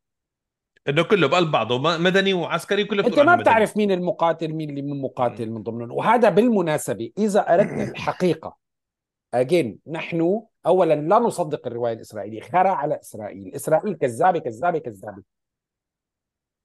ما عم نصدقهم ما عم نصدقهم ولا بنروج لكلامهم. إذا صح هذا الكلام الكاذب بالصرف. بتذكرني ياسر عبد الملك إيه، إذا ص... إذا إذا صح جزء من هذا الكلام الكاذب الصرف. فهو ذكاء تكتيكي من مؤسسات حماس لحتى تبقي العزيمة القتالية لدى مقاتليها ولحتى تأكد لل... للجمهور الفلسطيني أنه لا نزال قوة وقادرة وكذا إلى آخره حتى لو لم يكونوا كذلك بالضرورة. فإذا قد يكون جزء من الضحايا الاثني عشر ألفا اليوم هم ناس محسوبون بطريقة أو بأخرى على مقاتلي حماس أو الجهاد الإسلامي. لا نعرف الآن نحن بحاجة أنه تذهب المعركة لحتى ندرك هذا الموضوع. إذا نحن لا ندرك مدى مدى مدى تضرر البنية التحتية للمقاتلين لدى حماس. لكن اليوم حتى لو شلنا الضحايا على جنب ونحن لا نريد شيل الضحايا عم نحكي بالخسارة الصرف. مم. اعتبر إسرائيل حصلت على أسوأ الخسارات التي تمنى لها. من هو الذي تدمرت بناه التحتية حتى أصبح في عالم الغيب؟ ومن هو الذي لم تلمس بناه التحتية؟ إيه صح. مهما كانت خسارته المادية هائلة وكبيرة أنت خاسر أكبر بكثير منه. صح. نحن يعني حتى بس ندرك هي فرضية الانتصار اللي نحن عم نمني حكينا عنها جمله الحلقة الماضية ما تتذكر لما حكينا إنه في الإعادة إفادة. إيه في الإعادة إيه. إفادة. هاد إذا اعتبرناه انتصار ففي شيء اسمه النصر الفاروسي البيريك فيكتوري اللي هو كلفته أكبر وأضخم بكثير من أي انتصار تحققه. يا جماعة الخير الله يخليكم. والله نحن خاسرون صرف صرف. لا إسرائيل ستنهار اليوم ولا اقتصاد إسرائيل صار بالأراضي وأصبح الاقتصاد الإسرائيلي مثل الاقتصاد اقتصاد النظام. ولا هن خاسرين بشريا قد اللي نحن خاسرين بشريا. ولا البنى التحتية تبعهم التمس فيها بسمار. على عكس اللي عم يصير بغزة. للأسف يعني للأسف للأسف. هذا المأساة هذه هي المأساة أن هي الشغلة اللي بت... بتبكي. هذا هو النتيجة. بتبكي. و... ونحن صرنا إنه يعني مثل اللي عم يتقاتل مع خول وآكل قتله منهنه ضرب ومكسر ومحطم تحطيم وبيجي بهيك خمشة للغول بيقول لك انتصرت. لك أخي ما بصير تروح نحكي هالحكي نحن نقول. لأنه خلينا كمان نحكي لكم هلأ شيلكم عن الكلام يلي هو هيك بالعموميات. خلينا نفوت على شوية تفاصيل آه، حماس قالت هذيك اليوم قالت إنه نحن مستعدين نطلق 50 رهينة أو عدد من الرهائن عفوا ما حددوا بعتذر. عدد من الرهائن مقابل وقف إطلاق نار لخمسة أيام. يعني هذا شو بدلك لما يقول لك خمسة أيام؟ بينما تدرك انت كنت حماس. عم تقول بينما أنت كنت عم تقول بالبداية ها أنا شو أنا ما عندي هالرهائن اوقفوا إطلاق النار وخلينا نرجع للتفاوض لا لا لا لا قبل سوري قبل قبل جملة. قبل كانوا عم بيقولوا بدنا ننظف السجون الإسرائيلية تماما. بدك تطالع لي كل الأسرى الفلسطينيين في السجون الإسرائيلية. هلا صار غاية طموحك خمس أيام وقت خمس أيام. فنحن يعني ليش عم نحكي هذا الحكي يا جماعة؟ أرجوكم والله في ناس دائما عم تجينا هي التعليقات وأنتم مدري شو أنتم محبطين والله العظيم ما هذا قصدنا بس عم نحاول نحط شوية ريزن شوية منطق فيما يقال الصورة ف... قاتمة إيه. الصورة إيه؟ قاتمة مو نحن لأنه عم نقول لك إياها صرنا بوم وهي زهور مضيئة ومنيرة ونحن اللي جايين بس هيك لأنه نحن سوداء لك يا سيدي لك يا سيدي أو مطبعين أو مطبعين أو كارهين. جايين عم نقول لك والله أخي نحن بوم. الصورة قاتمة. إيه أخي نحن بوم. أخي نحن بوم ونحن عم ندل على الخراب. ما في مشكلة. بس معلش نعطي للناس اللي عم بتفكر بهالطريقة. بس أنا أطالب بس بشوية هدوء.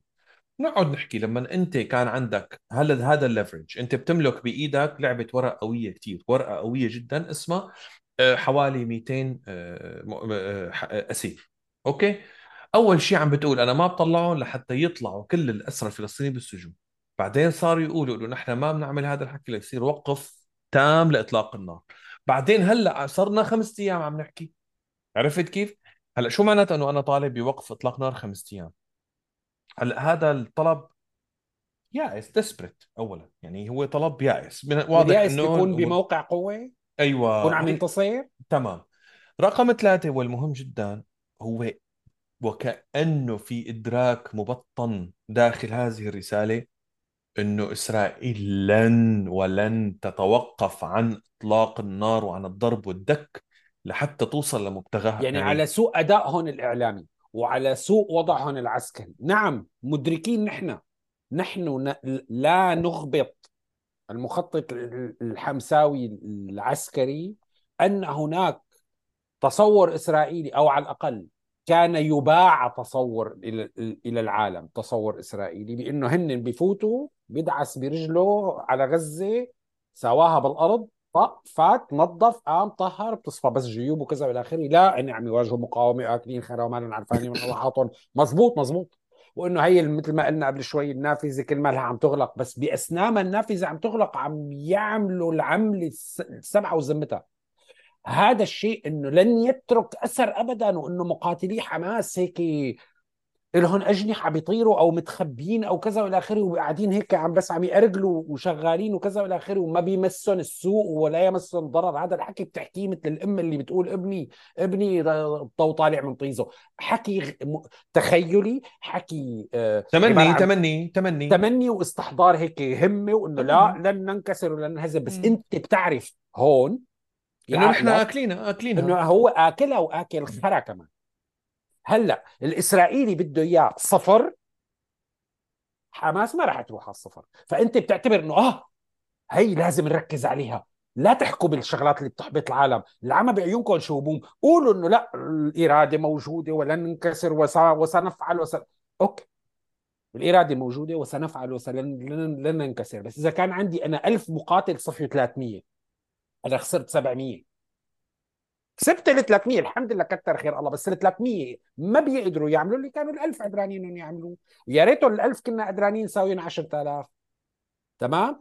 أنا لما بكون دفعت ثمن 70% وكسبت 30% خسرت ال 70% مو كسبت ال 30% هي لازم تنقال. هيك بتنحكى القصة هذا الواقع. لا تقعد كرمال قصة هذا الإعلام الحربي اللي براسك وحاطط الكوفية تبعك وناتر لي سميح القاسم وحاطط لي مارسيل خليفه بدك يعني أنا الحقك أقول لك إي والله البيض بضرات هو البيض ما بينقلى إلا بضرات لا البيض بضرات ما بينقلى يا أمي.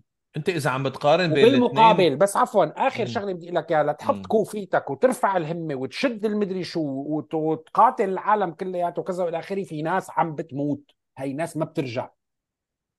أيوه. أمهات عم تشوف جثث أولادها. المجرم الحقيقي هو إسرائيل والمجرم الوحيد هو إسرائيل وكس أم إسرائيل. بس بعد كس أم إسرائيل في ناس انقتلت لن تعود وهذا الحكي تبعك طابيط الحيطان لحتى ترفع من همتك وتجاكر العالم وتعلم على إسرائيل وتخرس البوم اللي أمثالنا في أم ثكلى لن تستعيد أبنها. وخسرت هي وقضيتك. صح. بس أنت اللي عملته فقط حققت انتصارك المعنوي خرست البوم. وسكت الأصوات الانهزامية. وحطيت أنا أصلي بطل. فلسطيني فلسطين. يا لطيف شو إنك بطل. بترجع لها لهالام ابنها؟ مقابل خسارتها لابنها بترجعها على بيتها بغزة؟ ما بتقدر ما بتمون على خرية. طبعا شوية تواضع قدام دم هالعالم على الأقل إنك تحكي الحقيقة. لك بينك وبين نفسك تحكي الحقيقة. لا تكذب على نفسك لترفع من همتك بالكذب بالتدليس. هذا ما بيجيب نتيجة. على الأقل إذا مو قدران يا أخي خراس لأنه بكرة بتطير السكرة وبتجي الفكرة بتلاقي حالك رجعت عشر سنين لورا. ما قدمت عشرين سنة لقدام. هلأ غزة نصها بالنص على الأرض. نصها بالنص على الأرض والنص الثاني عم يستنى. يعني نحن الناس ما عم تستوعب هذا الحرب هي الحرب هي الأعنف على غزة.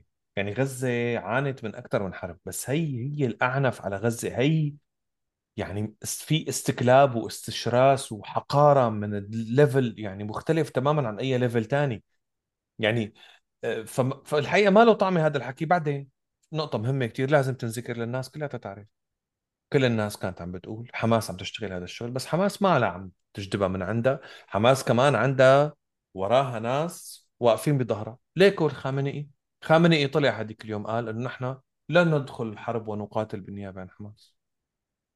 منتهي الموضوع. وفي تقرير عن رويترز إنه رويترز حكى مع هنية حكى مع إسماعيل هنية وقال له إنه نحن ما رح نتدخل بهي الحرب لأنه لم نكن جزءا من القرار اللي أنتم اتخذتوه 7 أكتوبر. ثلاثة كمان بالتقرير تبع رويترز. خامنئي يطلب من إسماعيل هنية بإخراس الأصوات الفلسطينية التي تطالب إيران وحزب الله والأطراف المتعاونة معها بتوسيع رقعة الحرب. يعني شو بدها شو تكون أكثر من هيك؟ هي ما بدنا نشوفها هلا أو بنشوفها وما بنحكي فيها. مم. خلينا مركزين على عدونا هداك. هلأ صحيح أصدقائنا وحلفائنا اللي نحن كرمالهم خرينا على القضية السورية مثلا؟ امم جزء من الفلسطينيين المساندين القضية لموضوع غزة اليوم أو جزء من الوسط العربي اللي مساند القضية الفلسطينية اللي خيري على قضية السوريين اللي معتبر قضية السوريين عبارة عن شيء هامشي أو هو عبارة عن حرف للنظر عن مركزية القضية الفلسطينية. إنه لا ما أنتم بنهاية المطاف هذا نظام وطني. أنتم خرجتوا عليه وكذا والى آخره اللي كانوا يبيعونا وطنيات بسوريا 100% تمام؟ هدول جزء منهم اليوم بده إياك إنك تسكت عن إيران. حتى السوريين الثوريين المساندين للقضية الفلسطينية اليوم جزء منهم مو ما ما بده يحكي على إيران بس اليوم ما له فاضي يحكي لإيران. بده يركز على الهجوم على الحكومات الغربية بسبب إنه هن آه، كلاب وحقراء وما عندهم ديمقراطيه ومساندين لإسرائيل ويا لطيف شو استعمار غربي ومدري شو كذا وإلى آخره. وإسرائيل الحقيرة إسرائيل الحقيره قاطع وقاطع وقاطع وقاطع. هلأ بعدين بنلتفت بيننا وبين بعضنا بس لا تحكوا قدام العالم لا تشمتوا الأعداء فينا. تمام؟ هلا مو وقت القصة بنعلم على إيران هون وهنيك بس التركيز خلونا نركز طاقتنا. الله يخليكم بإنه نبهدل الأوروبيين مشان نسترد حقنا شوي نقول للأوروبيين خذوه ومشان إنه نضغط عليهم لحتى يضغطوا على إسرائيل لحتى توقف. تمام؟ هذا مفهوم بس ما بيجعله صحيح. يعني كوننا بنفهم هي الميكانيزمات وبنقدر هي القصة لا يجعل إنه إنه اليوم تناسي فكرة إنه الطرف الذي فجر هذا الموضوع مباشرة لم يكن غير provoked كان provoked لأنه في احتلال وكذا والى آخره. لكن اللي قام به الخطوة العملاقة العظيمة الفظيعة الرهيبة wow wow wow شو عظيمة رائع تمام؟ واللي صفعت الإسرائيليين واللي آه، آه، آه، أنزلت أنزلت فيهم أكبر بعصه بحياتهم. مرغت أنوفهم بالتراب. تمام؟ هذا الشخص قام هذا الموضوع من قلب محور هذا هذا هذا شكله اليوم. هذا يعني ماذا؟ يعني ليس فقط أن حماس متروكه يعني أن المدني الغزي الاعتيادي متروك في العالم تماما من عدو خرا وحقير وتافه وكلب ومجرم وسافل واللي بدك إياه وحلفائه الغربيين اللي لابسين بدلات واللي هن الاستعمار الغربي يا لطيف يا لطيف يا لطيف يا لطيف تمام؟ ومن أي حدا حواليه بما فيهم أنت.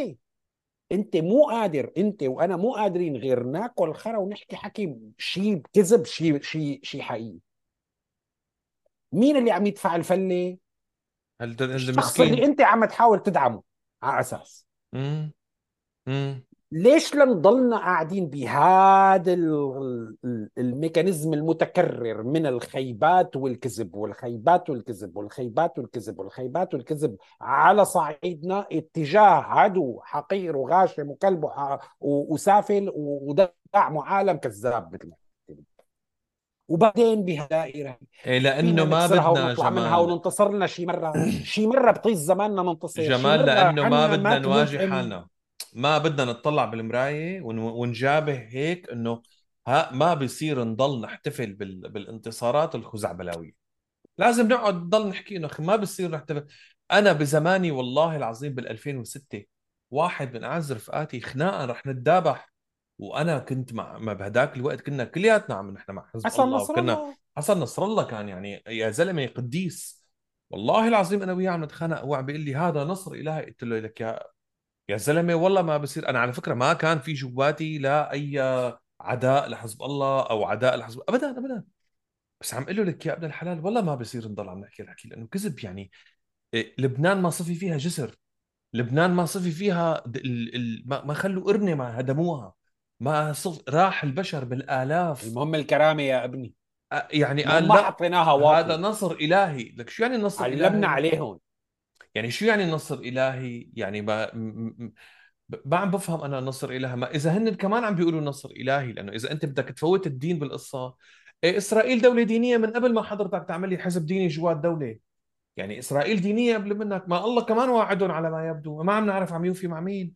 يعني حاجة نحكي حكي تخبيص. والله العظيم تخبيص. عيب. مثل ما أنت قلت هلأ جمله في أمهات خسروا أبنائهم. في في في في بنات خسروا آه، آبائهم وإخواتهم وهي اللي خسرت خطيبها أنا بدي خسرت... عادي إسرائيل أنا بدي يكون عندي عداء مع إسرائيل. مشروع الدولة اليهودية على أرض فلسطين غير قابل للاستمرار. المشروع الصهيوني قائم على الاستيطان اولا وهذا تحقق ولن يكون عكوسا. في مقابلة على فكرة هل بيجي بده يعلم على كلامي هلا ويجي يقعد يبيض وطنيات على ربي يروح يتفرج أول شيء يحط صرمايه بحلو بكل غضب يحط صرمايه بحلو ويروح يتفرج على مقابلة لليلى خالد. ليلى خالد عضو الجبهة الشعبية لتحرير تحرير فلسطين, فلسطين. انعملت المقابلة بسنة خطفت الطيارات. 72 نعم انعملت المقابلة بسنة 72 من صحفي كمان عامل مقابلة مع الله يرحمه غسان كنفاني. غسان كنفاني مزبوط بنفس المرحلة ببيروت عامل مقابلة مع ليلى خالد. ليلى خالد بسنة 72 يا يل يا حبيبنا يا أخونا يا أبو أحمد ضد المي اللي صرمايه هيك حلوة صغيرة بتحطها بحلقه ليلى خالد كان عم يسألها الصحفي بهداك الوقت جبهة شعبية جورج مم. حبش. ماشي جابت رفض. يعني هدول اللي بتغنوا لهم انظف من كده إيه؟ أو مو انظف أت أتياس. هدول هدول بالاخضر كفناه بالأحمر كفناه تمام؟ أه، هدول. هدول. إيه. هدول اللي قعدوا يبيضوا الجبهة الشعبية اللي ليلى الخ... ليلى خالد الحقيرة الحيواني اللي بدها 100 صرمايه لسه بحلقه كانت تقعد تبيض على السوريين وتقول لهم إنه ما بيصير توقفوا ضد نظامكم. مم. واللي اتهمت الثورة السورية بأنه هي جزء من العمالة وال وال, وال... ومؤامرة مؤامرة كونية. على على على القضية الفلسطينية تمام؟ بس ليلى خالد هي تبعكم. أوكي؟ بهذيك المقابلة ب 72 كانت عم تقول له لما سألها إنه ماذا ماذا ما ما- ماذا تستطيعون أن تصنعوا به. تمام؟ قالت إنه اليهود الموجودين كان حق عددهم 2 مليون بوقتها. قالت لهم من رغب في العيش بسلام معنا فليبقى. قال لها ومن لم يرغب قالت له هذا بيرحل. يعني في قبول لدى أكثر أكثر الجهات راديكالية في العمل الوطني الفلسطيني أثناء فترة الكفاح المسلح لما كان الشعار هو فلسطين عربية وإلى آخره يعني ببداية القصة مو لا هلأ و- و- وبمرحلة جمله كانت المقاومة والعمل الفلسطيني أقوى بكثير وإسرائيل واحد- أضعف من هلأ. وكانت ممكنة صح. لسه القصة. استيطان مو مستفحل سوريا عن عندها حرب مع مع كانت في سوريا مجيشة وعندها حالة حرب فاعلة مع ال- مع الإسرائيليين. مصر عندها حالة ما في كانت ما في ولا. معاهد سلام. ب 72 ما في ولا معاهد سلام. كان في اتحاد سوفيتي كان في عندك شيء تبني عليه في معسكر اشتراكي يدعمك ويقيم ويحطك. يعني كان في شيء فاعل على الأرض. بهذاك الوقت المشروع الوطني الفلسطيني عند أكثر الناس تشددا. الجبهة الشعبية لتحرير فلسطين. قبول بحقيقة ديموغرافية اسمها وجود استيطان يهودي على أرض فلسطين. لن نستطيع طرد ال- اليهود من أرض فلسطين. الذين حضروا بعد ال 48 ما بنقدر ولا كان بالمشروع تبعنا طردهم هذا الحكي ب 72 لا يزال حقيقة أصبحت أكثر قياما. لن نستطيع عدم التعامل مع حقيقة وجود وجود يهودي على أرض فلسطين موجود. الآن علينا التعامل مع هذا مع هذه الحقيقة ولن نستطيع الخروج عنها. نحن الآن بحاجة التفكير كيف نفكك يهودية الدولة؟ هذا الحل الوحيد اللي عنا وهذا أصلا هو لب القضية. لب مم. القضية ليس فقط إحضار هذه هذه الناس من من الخارج إلى سو إلى إلى فلسطين وقيامها بالاستيطان وبنائها دولة فصل عنصري على هذه الأرض نحن بحاجة فك الفصل العنصري من من أساسه وبالتالي نضالنا هو دولة واحدة بمقومين قوميين متعددة الدولة مدنية علمانيه إما دولة لجميع مواطنيها. وإما دولة ثنائية القومية دولة س... على فكرة هي غير هي نقدر نشرح لكم إياها بعدين بس مم. إما دولة واحدة بصرف النظر عن أي اعتبار قومي شو ما كنت أنت أنت عندك حقوق متساوية أو دولة يكون فيها تبيان لأنه هي دولة قائمة على قوميتين كل وحدة م- م- م- مسماية حقوقها بدستور واضح المعالم لا يجوز الخروج عنه بحيث يكون في تساوي بال بال بالحقوق. اختلاف بشو الممنوح لهون ولهون ولكن عددها متساوي بحيث لا يأكل واحد هالتاني. هذا الحكي ممكن اليوم؟ لا ما له ممكن. هل هو الحل. الوحيد؟ رغم أنه غير ممكن يعني لا الإسرائيلي اليهودي بيقبله ولا الفلسطيني العربي اليوم بالضفة الغربية بيقبله معنا حلول تانية. الحل الأخ... الوحيد الثاني هو استمرار هذا الصراع إلى ما لا نهاية ونحن فيه خاسرون لأننا لا نملك القوة. الفلسطيني بمفرده لا يملك القوة بل ويملك أسباب كثيرة للضعف العسكري والاقتصادي والسياسي. عنا الحق ولكن غير الحق ما عنا. كنا نستند إلى ظهير عربي الظهير العربي قالنا خذوا كنا نستند إلى ظهير دولي كبير اسمه الاتحاد السوفيتي. خالص سلام يسلمك. سلام يسلمك الصين اليوم تاركتك. وروسيا مو فاضية لك. مين بده. يوقف بوشهم؟ محور الممانعة معلم محور الممانعة. إيران ليك عم بيقول لك ليك عم يقول لك خود له. يعمل لك خود. آه بس. تفضل. أنت اليوم متروك لوحدك وقاعد بهي الأوضة مع هذا الزلمة. هذا الزلمة يا ما بدك تتناطح أنت وياه بدك تجيب من أسباب القوة وانت لن تملكها أو بدك تستخدم وجودك مست- مستند قوة. ما عندنا حلول غير هذا الكلام. لا يوجد حلول حقيقة على أرض الواقع مجدية ممكن توصل إلى على فكرة هذا النضال اللي عم نحكي عليه اللي بده بده يفوت أول شغلة بده يصطدم بالرفض الفلسطيني ثم بده يصطدم بالرفض الإسرائيلي اليهودي وهو صراع وجودي طويل نحن اليوم عم نعتبر إنه سكرنا 75 سنة من النضال الفلسطيني بشكله الحالي وبدنا نصفر العداد ونبلش من أول وجديد. هل هذا متاح؟ هل هذا هو شيء م...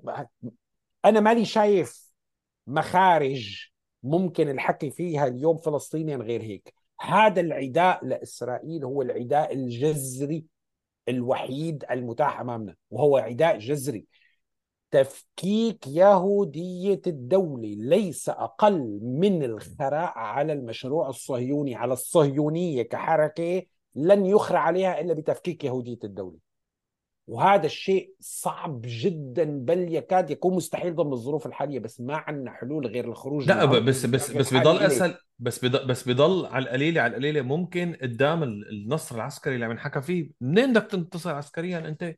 يعني من وين من وين؟ يعني يعني دولة عم بتحاربها مثلا جمعية أهلية. ومو ظابطة يا أخي القصة ما لها ظابطة بنوب. وليكن مثل ما أنت حكيت العالم اللي واقفة حواليهم كلياتهم طلعوا عرصات وكل واحد راح منسرب من من من من من طرف. وخلص صفيوا هدول العالم لحالهم. هلا بقى حنكمل. أه حنحكي حنغير عن الحديث اللي كنا عم نحكي فيه. حكينا عن غزة أنا آسف على فكرة. قبل شوي قبل شوي انفعلت. الناس اللي عم تشوفنا بتعرف إني أنا بالعادة ما مالي مالي هالقد انفعالي. أنا زلمة بحكي عادة. أوكي برفع صوتي وكذا إلى آخره بس ما, ما بعصب. بس مم. هذا الموضوع حقيقة عم يسبب لي ضغط نفسي صار له فترة. الحق معك يا زلمة الحق معك يا زلمة الحق معك لأنه لأنه لأنه اللي عم نشوفه عن جد يدمي القلب وقد ما حاولت تعقلنه وترشده بترجع بتشوف أحيانا في اندفاع أحيانا بتفسره بطريقة بريئة وهيك ولطيفة إنه في نوع من أنواع يعني الحمية الحماسة الغضب الكذا إلى آخره بس في شيء عم بيروح باتجاهات بالغة السوء لأنه عم ينتج خطاب اولا أقصائي لأي تفكير. وعم بيروح باتجاه شعبوي سخيف يبرئ وينزه تساقط الناس للأسف الشديد على مذبح قضية. إذا ضلت ماشية بهذا الاتجاه خاسرة بالمعنى الصرف خاسرة بشريا خاسرة سياسيا خاسرة عسكريا خاسرة اقتصاديا خاسرة أمنيا. طب ليش عم يعني على الأقل نسمي الأمور بمسمياتها يا جماعة الخير. لأنه- حتى نقدر نتناقش بعد ما تهدأ المعارك لأنه بطريقة جمال- منطقية. لأنه نخرج ي- أنفسنا من هذا. لأنه يا جمال سهل كتير يعني أسهل على الناس أسهل على الناس إنه يخسروا أرواحهم حتى لو وصلت الواحد يخسر روحه يضحي بكل شيء على أوهامه. على إنه يخسر أوهامه يوقف هيك فعلا هي وقفة يواجه, يواجه نفسه ويقول أنا هاد بيقتلني. أنا إيه أنا شو بدك تحكي؟ والله العظيم يا عمار هذا بيقتلني. أنا لما بشوف شخص فرد أنا آسف جدا أنا آسف والله لا لا آسف أحكي لي. ادرك أدرك تماما بدك لا أحكي أحكي يا زلمة. بس أنا أنا واجبي يعني شعرت حالي إني أنا خرجت عن عن طوع عن طوري. طبعا صرمايتي لا تزال بحل ليلى خالد.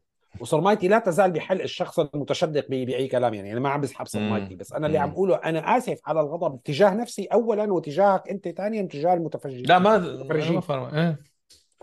أنا بلوم حالي لما لما بكون هذا.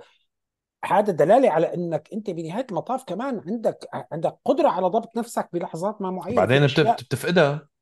تخرجك عن طوعك اللي بدي أقوله هو اليوم أنا مدرك تماما لصعوبة ليك أنا هلأ عم مارس هذا الموضوع إنه أحيانا يا أخي بتخرج عن شعورك. أنا مدرك إنه هذا الكلام موجود عند الآخرين. وحينما أنا أطالب الآخرين بترشيد آه، آه، غضبهم بهذا مخافة أن أن أن تقعوا في هذا المنزلق الذي أنا وقعت فيه اليوم واللي أنا عليه بلحظة ما معينة نادم لأني أنا ما عم مارس التفكير بشكل هادئ ولطيف وكويس لأنه قضايانا بحاجة لغضب أقل. وانضباط شعوري أكثر بحاجة ل... ل... لطيش أقل وبحاجة لتفكير عقلني وترشيد أكثر نحن نواجه ناس عم بيواجهونا بهذا المقياس. ما بنقدر نواجههم بهذا المقياس مقلوبا. ما بنقدر. الطبيعي إنك بلحظة ما معينة ولكن لحظة.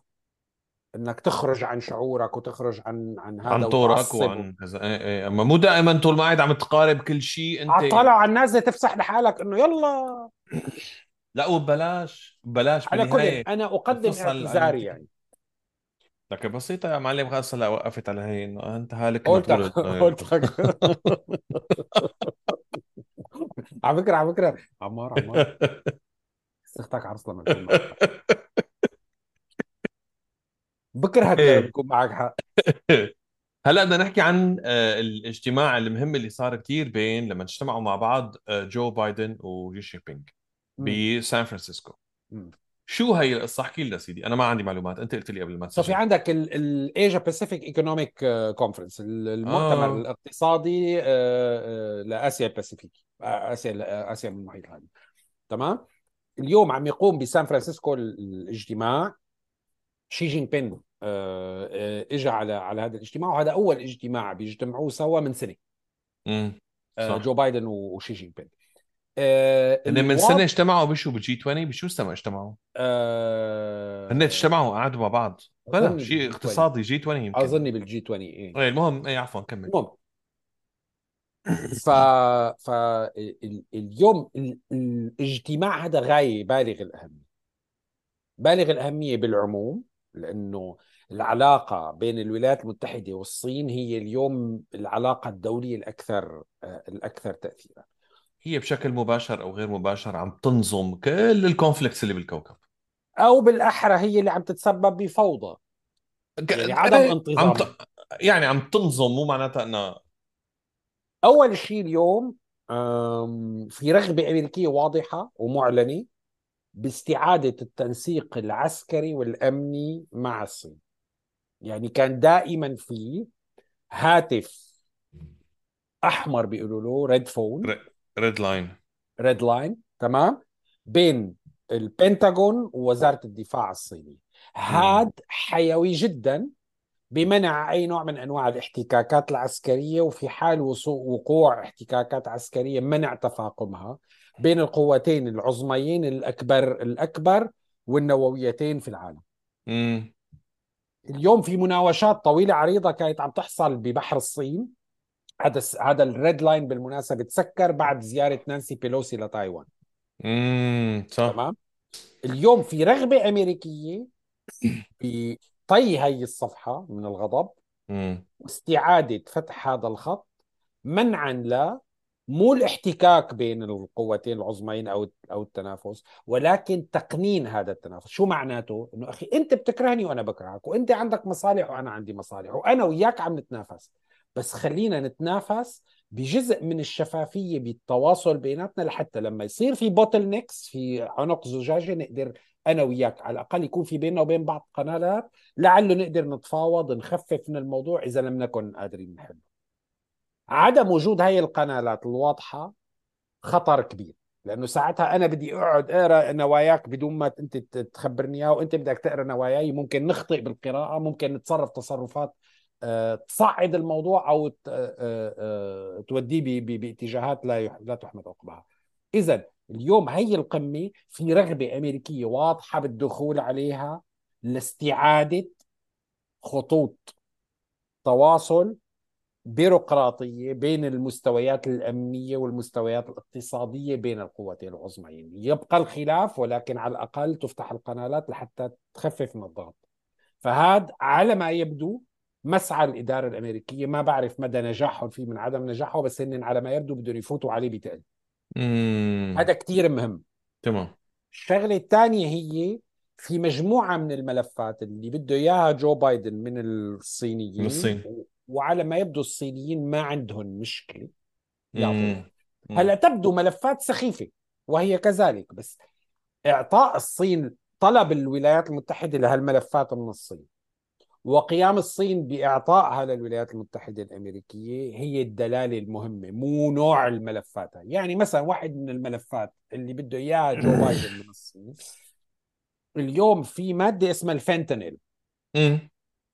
تمام. تدخل بتركيب ال methamphetamines واللي هي جزء من هي من من ال opioid crisis هي جزء من ال... المخدرات بالولايات المتحدة الأمريكية. صح. جزء من الحملة الانتخابية لجو بايدن قائمة على أنه هو سيكون آه، الشخص الفعال بمحاولة تخفيف من أو حل أزمة المخدرات المنتشرة بالولايات المتحدة الأمريكية وخصوصا بولايات. آه، ال- ال Midwest شرق يعني الغرب المتوسط وص... إيه غير الوسط الغرب المتوسط اللي هي اللي هي أكثر ال ال تأثراً. الأماكن فقرا وبؤسا واشكالا واللي فيها ترامب قوي كثير الحزب الجمهوري تمام فهو بده يحاول يكسب هي ال ال هذا انتخابيا ويحل هي الأزمة.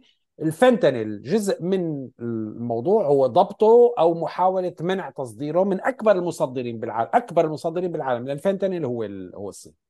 آه okay. فجزء من الأشياء المطالبات الأمريكية للصين واللي شي جين بينغ أبدى قبول فيها هو منع تصدير أو تقنين تصدير الفنتانيل بحيث إنه إنه يمر عبر القنالات الرسميه الأمريكية بحيث إنه يعرفوا. يضبطوا. يقدروا يضبطوه يقدروا يضبطوه يعني واحد من الملفات. وملفات أخرى هلأ مصادر الاختلاف لا تزال الملفات الكبرى الاستراتيجية مثل تايوان مثلا المطلب الصيني فيها ورفض ال- الامريكي بس على ما يبدو بقلب هي القصة في رغبة أمريكية وصينيه وبهالترتيب أمريكية ثم صينية بإنه يرسلوا لبعض بعض الإشارات الإيجابية يخففوا شوي من ال- من اللغة تبع مم. tension كذا. de-escalate لحد ما. الاختلاف لا يزال شاسع فيها ولكن في محاولات لتخفيفه. بالشرق الأوسط موقف الصين هو ضد التفويض الأمريكي الممنوح لإسرائيل مو حبا بالفلسطينيين ولا كرها بإسرائيل. بس نوع من أنواع محاولة ضبط ال- الوجود الأمريكي بال... يعني رغبة صينية إنه ال- إنه الأمريكان ما ياخذوا راحتهم بال- بالشرق الأوسط. مم. ك... كنوع من أنواع تخفيف الأدفانتج الاستراتيجي اللي عندهم إياه الأمريكان. اذا موقفهم الصيني اليوم بالشرق الشرق الأوسط مو موقف عقائدي مو موقف آه، مبدئي هو موقف تكتيكي. موقف تكتيكي وبالتالي أو مصلحي 100% في احتمال كتير مهم. إنه يطرح هذا الموضوع بالقمة تبع تبع جو بايدن كان يعني طرح بهذا وإنه في جزء منه تفاهمات ممكن يكون ممكنة مقبلة أو على الأقل طرح إنه أخي تعال أقول لك هي قصة الشرق الأوسط. خلينا نطرحها على بساط البحث نروح ناخذ أنت هون تاخذ كذا إلى آخره. ما بعرف إذا صار هذا الشيء بقلب الغرفة وصار في أخذ وعطاء أو هو توطئة لأنه خلينا يعني من ضمن إنه مثلا نفتح خط ال ال الأحمر بيناتنا بموضوع الدفاع مثلا قصة تايوان خلينا كمان نفتح هاي القصة وناخذ ونعطي فيها في احتمال جدا كبير لأنه يكون هذا الموضوع توطئة لتسوية ما بعد مم. المعركة عم تفهمني؟ يعني اليوم الصين تعتبر واحد من النا... من ال- من الجهات الكبرى التي تتكل عليها إيران ممكن يكون جزء من هذا الموضوع توطئة أمريكية يحكوا فوق رأس إيران مع الصين إنه بكرة لما هذا بدنا نعمل تسوية نجيب إيران على الطاولة بس بدكم تضغطوا لنا عليهم بهي بدكم تضغطوا لنا عليهم بهي. فهمت شو الفكرة؟ قد يكون. قد يكون. إيه كتير مهم نشوف شو تواليها. لسه ما تازة. نحن ال 16 شهر بالمناسبة نحن نسيانين نهني العالم. أنت أنا وياك كتير آه، غلطانين. شو؟ يوم 16 تشرين الثاني ذكرى شو؟ الحركة التكسيرية الحركة التطبيشية اليوم. هذا حكينا. يا لطيف. الله لا يرحم فيك ولا عظم يا آمين آمين يا رب. ويورجينا يا رب ويورجينا كل البلاوي بذريتك الخرية.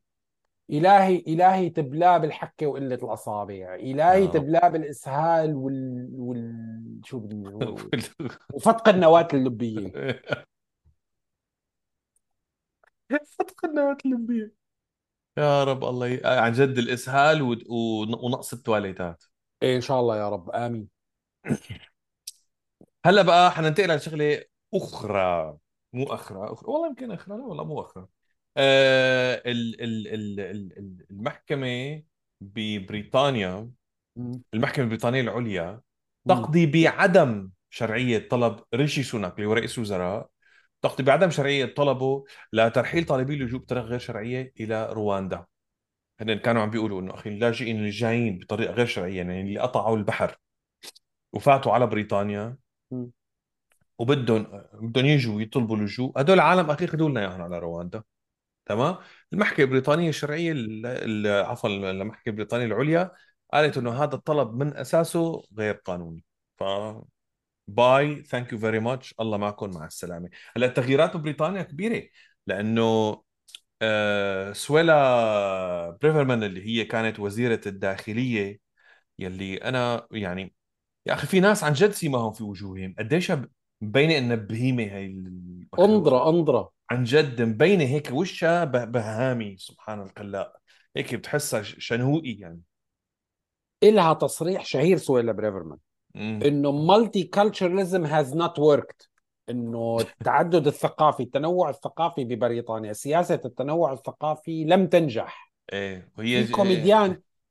تذكير صح صح صح. تذكير يا جماعة قديش ال stand-up comedy أكثر بكثير عشان هلا بفكروني هلا بفكروني بدافع أنتوا عم لها بتقولوا. تمام؟ ما معه يدفع هذا لكن عارف الله يدفع عنا وعنكم البلاء. إيه. المهم آمين. stand-up comedian بريطاني قال لها what the fuck are you talking about انت ال multiculturalism بذاته انت وحدة امرأة ذات أصول هندية متجوزة واحد يهودي صرتي وزيره الداخلية ببريطانيا. يعني شو بدك أكثر شلون ال multiculturalism multi ال multiculturalism ما اشتغلت؟ وجاية انت يا حيوانه يا بهيمة عم توقفي بوش ال multiculturalism شو صاير لعقلك. شو صاير له لعقلك لا مو مو بس واقفة بوشه. عم تقول it didn't work. انت بحد ذاتك بهيئتك هلا انت دلالة على أكبر دلالة على النجاح. إن أنت النجاح ورئيس وزرائك. تماما. وهي ورئيس الوزراء ريشي سوناك. هلا طبعا اللي صار بقى التغييرات كتير كبيرة لأنه حيوان اللي كان وزير داخ... وزير خارجية. نسيت شو اسمه وزير الخارجية؟ طلع لنا اسمه. ما وزير بعرف الخارجية البريطاني إيه. واللي كان طيزي. وزير الخارجية البريطانيه آه، طيزي بيرغمان يمكن اسمه إيه. آه، راح على صار هو وزير الداخلية خلفا لسويلا بريفرمان إيه. واللي صار وزير الخارجية مين؟ ديفيد كاميرون. قال اللي ماله قديم. ماله جديد. ماله جديد. ديفيد واللي كاميرون ماله رجع. ديفيد كاميرون ماله عيد. ماله عيد. رجع هلأ. ديفيد كاميرون وعم يتصدر بهالرئاسة ال- بوزاره ال...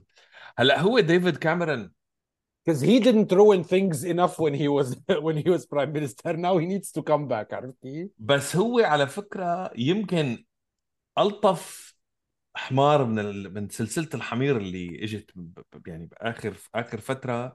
ما هيك هلأ هن لك سوناك. قبل سوناك كان آه؟ شو اسمها؟ تيريزا ماي. ليز ليز ليز ليز لا ليز تراس. ليز تراس. ولي ليز تراس. وقبل ليز قبل تراس. تراس بوريس جونسون بوريس جونسون بوريس جونسون اليزابيث ماي تيريزا ماي أيوه. تيريزا ماي وقبل تيريزا ماي آه هو هذا ديفيد كاميرون. كان كاميرون. يا ويلي على هالصفة خمس ست أسماء ما بينشهى منا ولا واحد. مزابل. أوف. أوف. يعني هدول مو حزب المحافظين هدول حزب البعث السوري رسمي. مو طبيعي. قيادة طبيعي. قومية قيادة قوية شريف. يا لطيف يا لطيف يا لطيف. يا لطيف. أنا كثير بقول لكل الإخوة والأخوات اللي عايشين ببريطانيا الله يكون بعونكم. يعني هيك حكومات شو بده ي- الواحد يتأمل؟ الله يعينكم والله. والله والله كثير بريطانيا عم تعانوا. معلم بريطانيا مارقة بقطوع مهم كتير هلأ. يعني لكن هذا لحظة تغييرية كبيرة ب- ب- ببريطانيا. اليوم آه، آه، انهيار الإمبراطورية حصل بشكل يعني كامل بالسبعينات. لكن اليوم انهيار كل المنظومة اللي قائمة لساتها على إرث الحكم الإمبراطوري السابق اللي ما أيام منه غير الإرث والمؤسسة. الانهيار وصل حتى إلى القشور. حتى هذا. إلى القشور. ما في اليوم خلص اليوم في إعادة في في ب- بداية إعادة خلق بريطانيا تاني كاملة متكاملة. الإرهاصات عم تشهدها اليوم. انت طبعا هذا مو معناها إنه اليوم تصحى بتنام بتلاقي بريطانيا تاني لا عم تتغير بس إنه دولة دولة عريقة فيها واضح أمامنا إيه لا. شو هالحكي؟ فايه إيه إيه هلأ بقى آه، حنحكي لكم هيك شوية شغلات. إجانا مجموعة أسئلة من حبايبنا الجمهور اللطيفين الظراف الحلوين ما راح نجاوب ولا واحد. إيه. واحد السؤال الأول. ليش الدكتاتور دائما بيختار الطريق الصعب طريق الاستبداد والقمع والاعتقال ولا يختار الطريق السهل؟ طريق تقديم الخدمات للشعب ومساعدته وكسب القلوب عن طريق تحقيق متطلباته. يعني أولا أنا الحقيقة شايف مشكلة بالسؤال ذاته والمشكلة هي كتير بسيطة. إنه هذا اللي عم تحكي عنه أنت هو مو الطريق السهل يعني هو مو الطريق الصعب. القمع والقتل والضرب والكذا هو مو الطريق الصعب بالنسبة له. هو بيحطها العالم بيوكلهم إنه اعملوا هاي الشغلة. أنا بتذكر اشتغلت بمدرسة بسنة 2003 بعد كنت المدرسة إيه كنت أستاذ بمدرسة لكان بالمدرسة شرفا الوطنية السورية. اي والله كنت ما لي أستاذ. علم والله. أستاذ شو؟ در... درست إنجليزي ودرست آه... آه... درست English ودرست science ودرست كمبيوتر ثلاث مواد كنت لا درست. عجب اجيالنا أكل خرا شيء لحصيص إيه و... و... بس الحمد لله درست سنة واحدة ما لحقت تدمر الأجيال يعني سنة واحدة. كنت جيل موجه. واحد.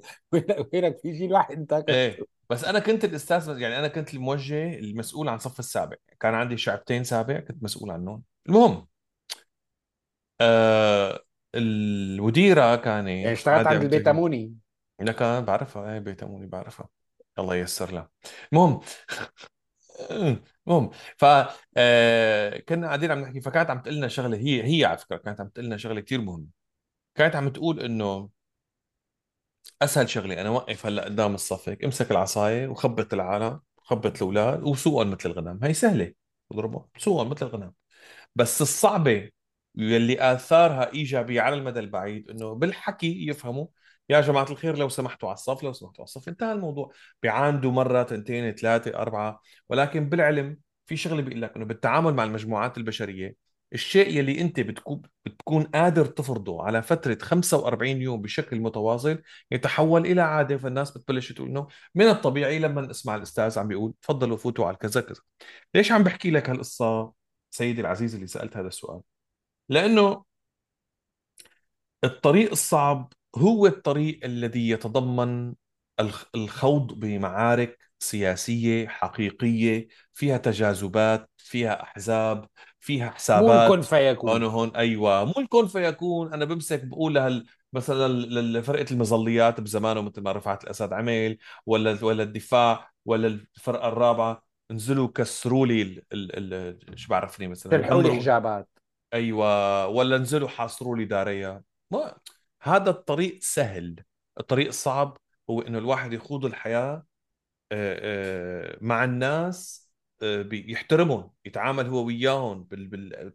كأنداد. أنت يعني. بعدين بعدين معلش سؤال صغير. الدكتاتور اللي بده ي... يعني الدكتاتور ما بده يعيش هي الحياة اللي أنت عم تقول عنها صعبة. آه، عفوا عم تقول عنها سهلة. هو ما بده يعيشها. لأنه هي الحياة اللي عم تقول عنها إن أنت إن انها سهلة. هي بتخليه يحكم أربع سنين أو خمس سنين أو ست سنين. حافظ الأسد بده يقعد مليون سنة إلى الأبد عم بيقول لها. سائل السؤال سائل السؤال يفترض يفترض إنه مصلحة الواحد إنه خلي ناسك سعداء بيقوم بيطول حكمة أيوه. هذا الافتراض اللي مبني عليه السؤال. طب اللي أنا بدي أقول لك يا اولا عليك النظر إلى ما هو هدف الدكتاتور.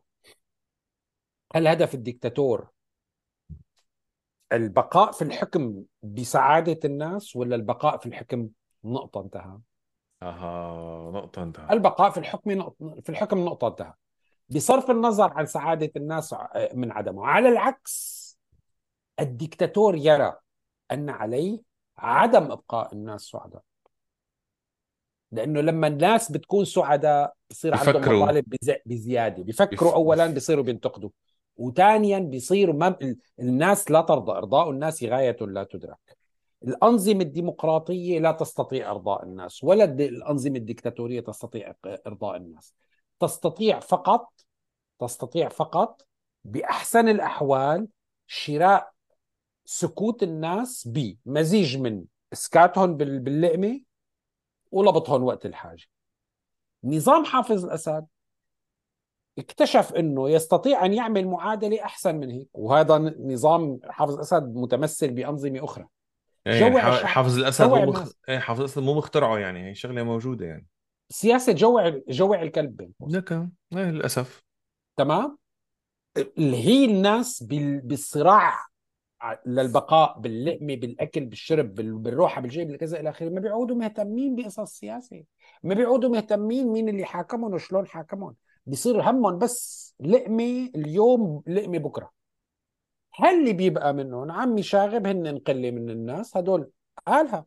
قالها بكتاب باتريك سيل مكتوبة يعني قال إنه من تبقى هن هال 100 واحد. هدول مكانهم سجن المزة. بس انتهينا. الصعب والعسر فيهم بروح على تدمر. خالص. يعطيك العافية. فاذا الاستبداد بهذا المعنى غير مكلف لصاحب الاستبداد.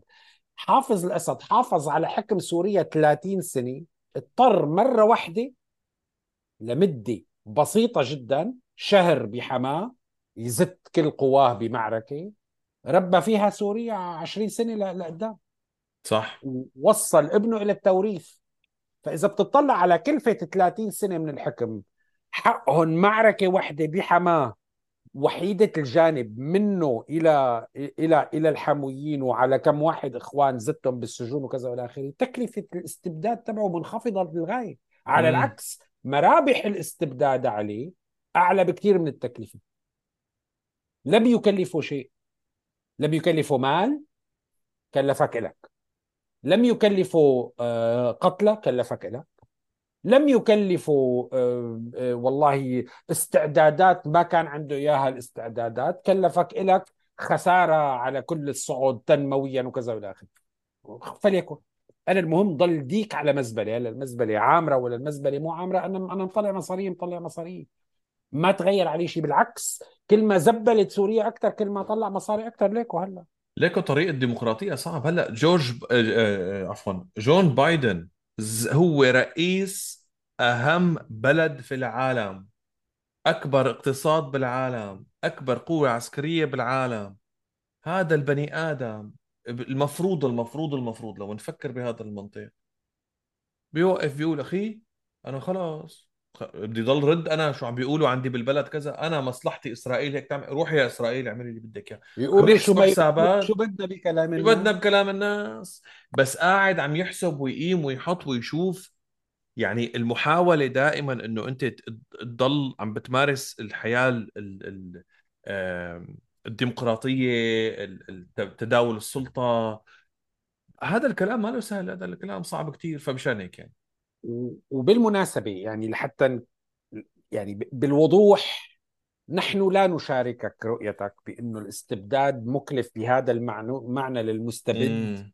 بشكل مباشر لذلك لا يستوعب المستبد أنه هذا والله مكلف أو كذا وإلى آخره بالعكس يمارسه وهو مرتاح البال والخاطر. والمكاسب الآنية والمتوسطة المدى دائما أم سؤالك بالعموم هل الاستبداد مجدي على المدى الطويل؟ لا طبعا الاستبداد خاسر صرف مزبوط اللي عم تحكي. لكن اولا حياة الفرد قصيرة. فبيقول لك ما بيهمني شو بيصير من بعدي بحاول جهدي وإذا متت يا سيدي متت وأنا على على رأس الحكم وعم أطلع مصاري وعم دخن السيجار الكوبي تبعي فيحرق. يحرق الوطن وتحرق الناس. أنا أنا مالي مهتم بالناس أساسا. الناس بالنسبة لي حطب. الناس بالنسبة لي وسيلة لأصل لهذا الموضوع. طالما أنا عايش بدي ضلني قاعد على رقابة. قديش عم يكلفني قديش عم يجيب لي أما على المدى إيه، على المدى مكلف بس مو مكلف للمستبد دائما. وبيقول لك. بيقول لك عفوا آخر شيء كمان حتى المستبد اللي بيخسر بالنهاية عمر البشير مثلا آه، أدولف هتلر ب... قذافي صدام قذافي حسين كذا شو. بيقول لك أنا عشت 40 سنة حلوين مرتبين يعني مستاهله إني حارب كرمالهم حارب وبخسر. عشت 40 سنة أنا راكب على رقاب العالم. أنا ربكم الأعلى فاعبدون وشو ما بدي بيصير اطلب تطعم. لك مستاهلين يعني ف... يعني مو خساره خلي... صرف. خلينا نفكر ب... بالمستبدين الموجودين بالوطن العربي واللي صاروا كانوا موجودين بآخر 50 سنة. عدهم هدول. تفضل هدول العالم كلياتهم موجودين. مين الناس اللي اللي راحوا؟ صدام القذافي آه آه شو بيسموه تبع حافظ تونس اسد حافظ اسد ما. صار عليه إيه شيء حافظ اسد ما صار عليه شيء. آه ال... ال... ال... ال... كلهم كلهم كلهم كلهم. مين مين بيناتهم هدول مو مستبد؟ كلهم موجودين قاعدين. هل كم واحد وصار ظرف تاريخي اسمه الربيع العربي؟ يعني قصة هائل يعني هائلة. هائل. إيه يعني شعوب بحالة بالمنطقة اللي نايمة صار بحالة لها العراق فاتت أمريكا كلها عليه لحتى نقام إيه فالقصة يعني لا مثل ما حكى مثل ما أنت قلت جمال يعني قاعد بيقول لك أخي خلص عشت لي 30 40 سنة حلوين. شو بدي أنا؟ شو سائل السلطة مغوية لك والتجربة لما بتفوت فيها وبتلحس إصبعتك بالسلطة بالاستبداد بالشرق بالتحديد اللي بتعطيك مرتبة نصف إله أو إله. بالتعامل معك الخوف والرعب والناس اللي بتيجي بتلحس صباطك واللي بتشوف العالم برا بتحكي شيء وقدامك بتيجي بتحكي لك شيء وبتعمل لك شيء وبتقيم بتحط it gets to your head. ما بيقدر حدا يقاوم هي الشهوة وهذا الطمع. وكل مين بيقول لك إنه أنا تعلمت من الدروس السابقة أنا لن يحصل لي ما حصل لما لمن سبق. لن أعوذ لن بالله. ما بزحط أنا. مغوي هي الطبيعة الإنسانية. تتذكر لما حافظ الأسد كانوا ي- كانوا يهتفوا له آه، يهتفوا حلك يا الله حلك الأسد يقعد محلك؟ تتذكر؟ هاي. بتذكر. فلجت لما سمعتها أول مرة. فلكت طفل. يا زلمة فلجت في يا إذا زلمة أنت فلجت إذا أنت رايح إذا أنت رايح من آخر اوتوستراد المزه وبدك تطلع على طريق المعظميه في هي إيه القطعة تبع ال- تبع الحرس الجمهوري اللي على إيدك اليمين. على اليمين. تمام؟ على الجبل. يا الله احفظ حافظ. حافظ الأسد بشوف هدول القصص. it gets امم to his head على قد ما هو آه، يعني cynical ويعني شكاك وما عنده إيمان صح. بشيء وما عنده قيمة لشيء وما عنده أخلاقيات وكذا إلى آخره. بس لما حدا حدا عم يقول له طول الوقت انت الله انت الله انت الله إيه. أستغفر الله العلي العظيم. it gets to his head بيصدق. سؤالنا الثاني هو أليس من أسباب تخلفنا الفكري هو الفقر المدقع جدا جدا جدا جدا والمقصود؟ الذي يدفعك إلى العمل فوق 12 ساعة يوميا حتى تتحصل على لقمة العيش فقط بعكس الدول الغربية التي تختلف عنا 180 درجة. فبضع ساعات من العمل يمكنك تحقيق أكثر من لقمة العيش وتخصيص الوقت متبقي للعمل المجتمعي والنشاط الفكرية والرياضية والقراءة وغيرها. يعني فقر قاتل ومدري شو رغم كل ما لدينا من موارد على حجم دليل النجاح لغالبية من يهاجر من بلادنا. يعني هلأ هذا الشيء جاوبنا عليه بال- بالسؤال الماضي لما قلنا إنه سياسة حافظ الاسد تبع جوع الكلب يعني أفقر العالم لحتى ما يكون عندهم. هذا هذا هذا رد على اللي أنت عم تقوله من من من من فحوى كلامك. نعم هذا الشيء موجود جزء من إشكاليتنا الحضارية هي إفقارنا بطريقة إفقار الأفراد والمجتمعات بطريقة تمنع عنهم الإمكانية للقوة الفاعلة لحتى يمتلكوا أمورهم بإيدهم ويفوتوا بعالم السياسة. هذا صحيح. الشغلة الثانية اللي بدي لاحظها بهذا السؤال هو المبنى الماركسي تبع السؤال اللي هو قائم على فكرة إنه كل البنى السياسية ذات ذات أساس آه، بالعلاقات الاقتصادية.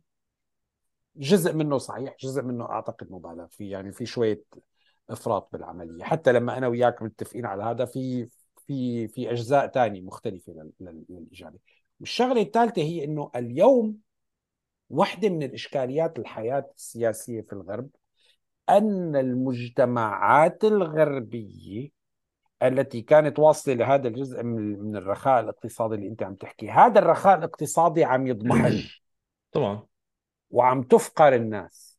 وهذا الشيء عم يظهر ببدايات دخول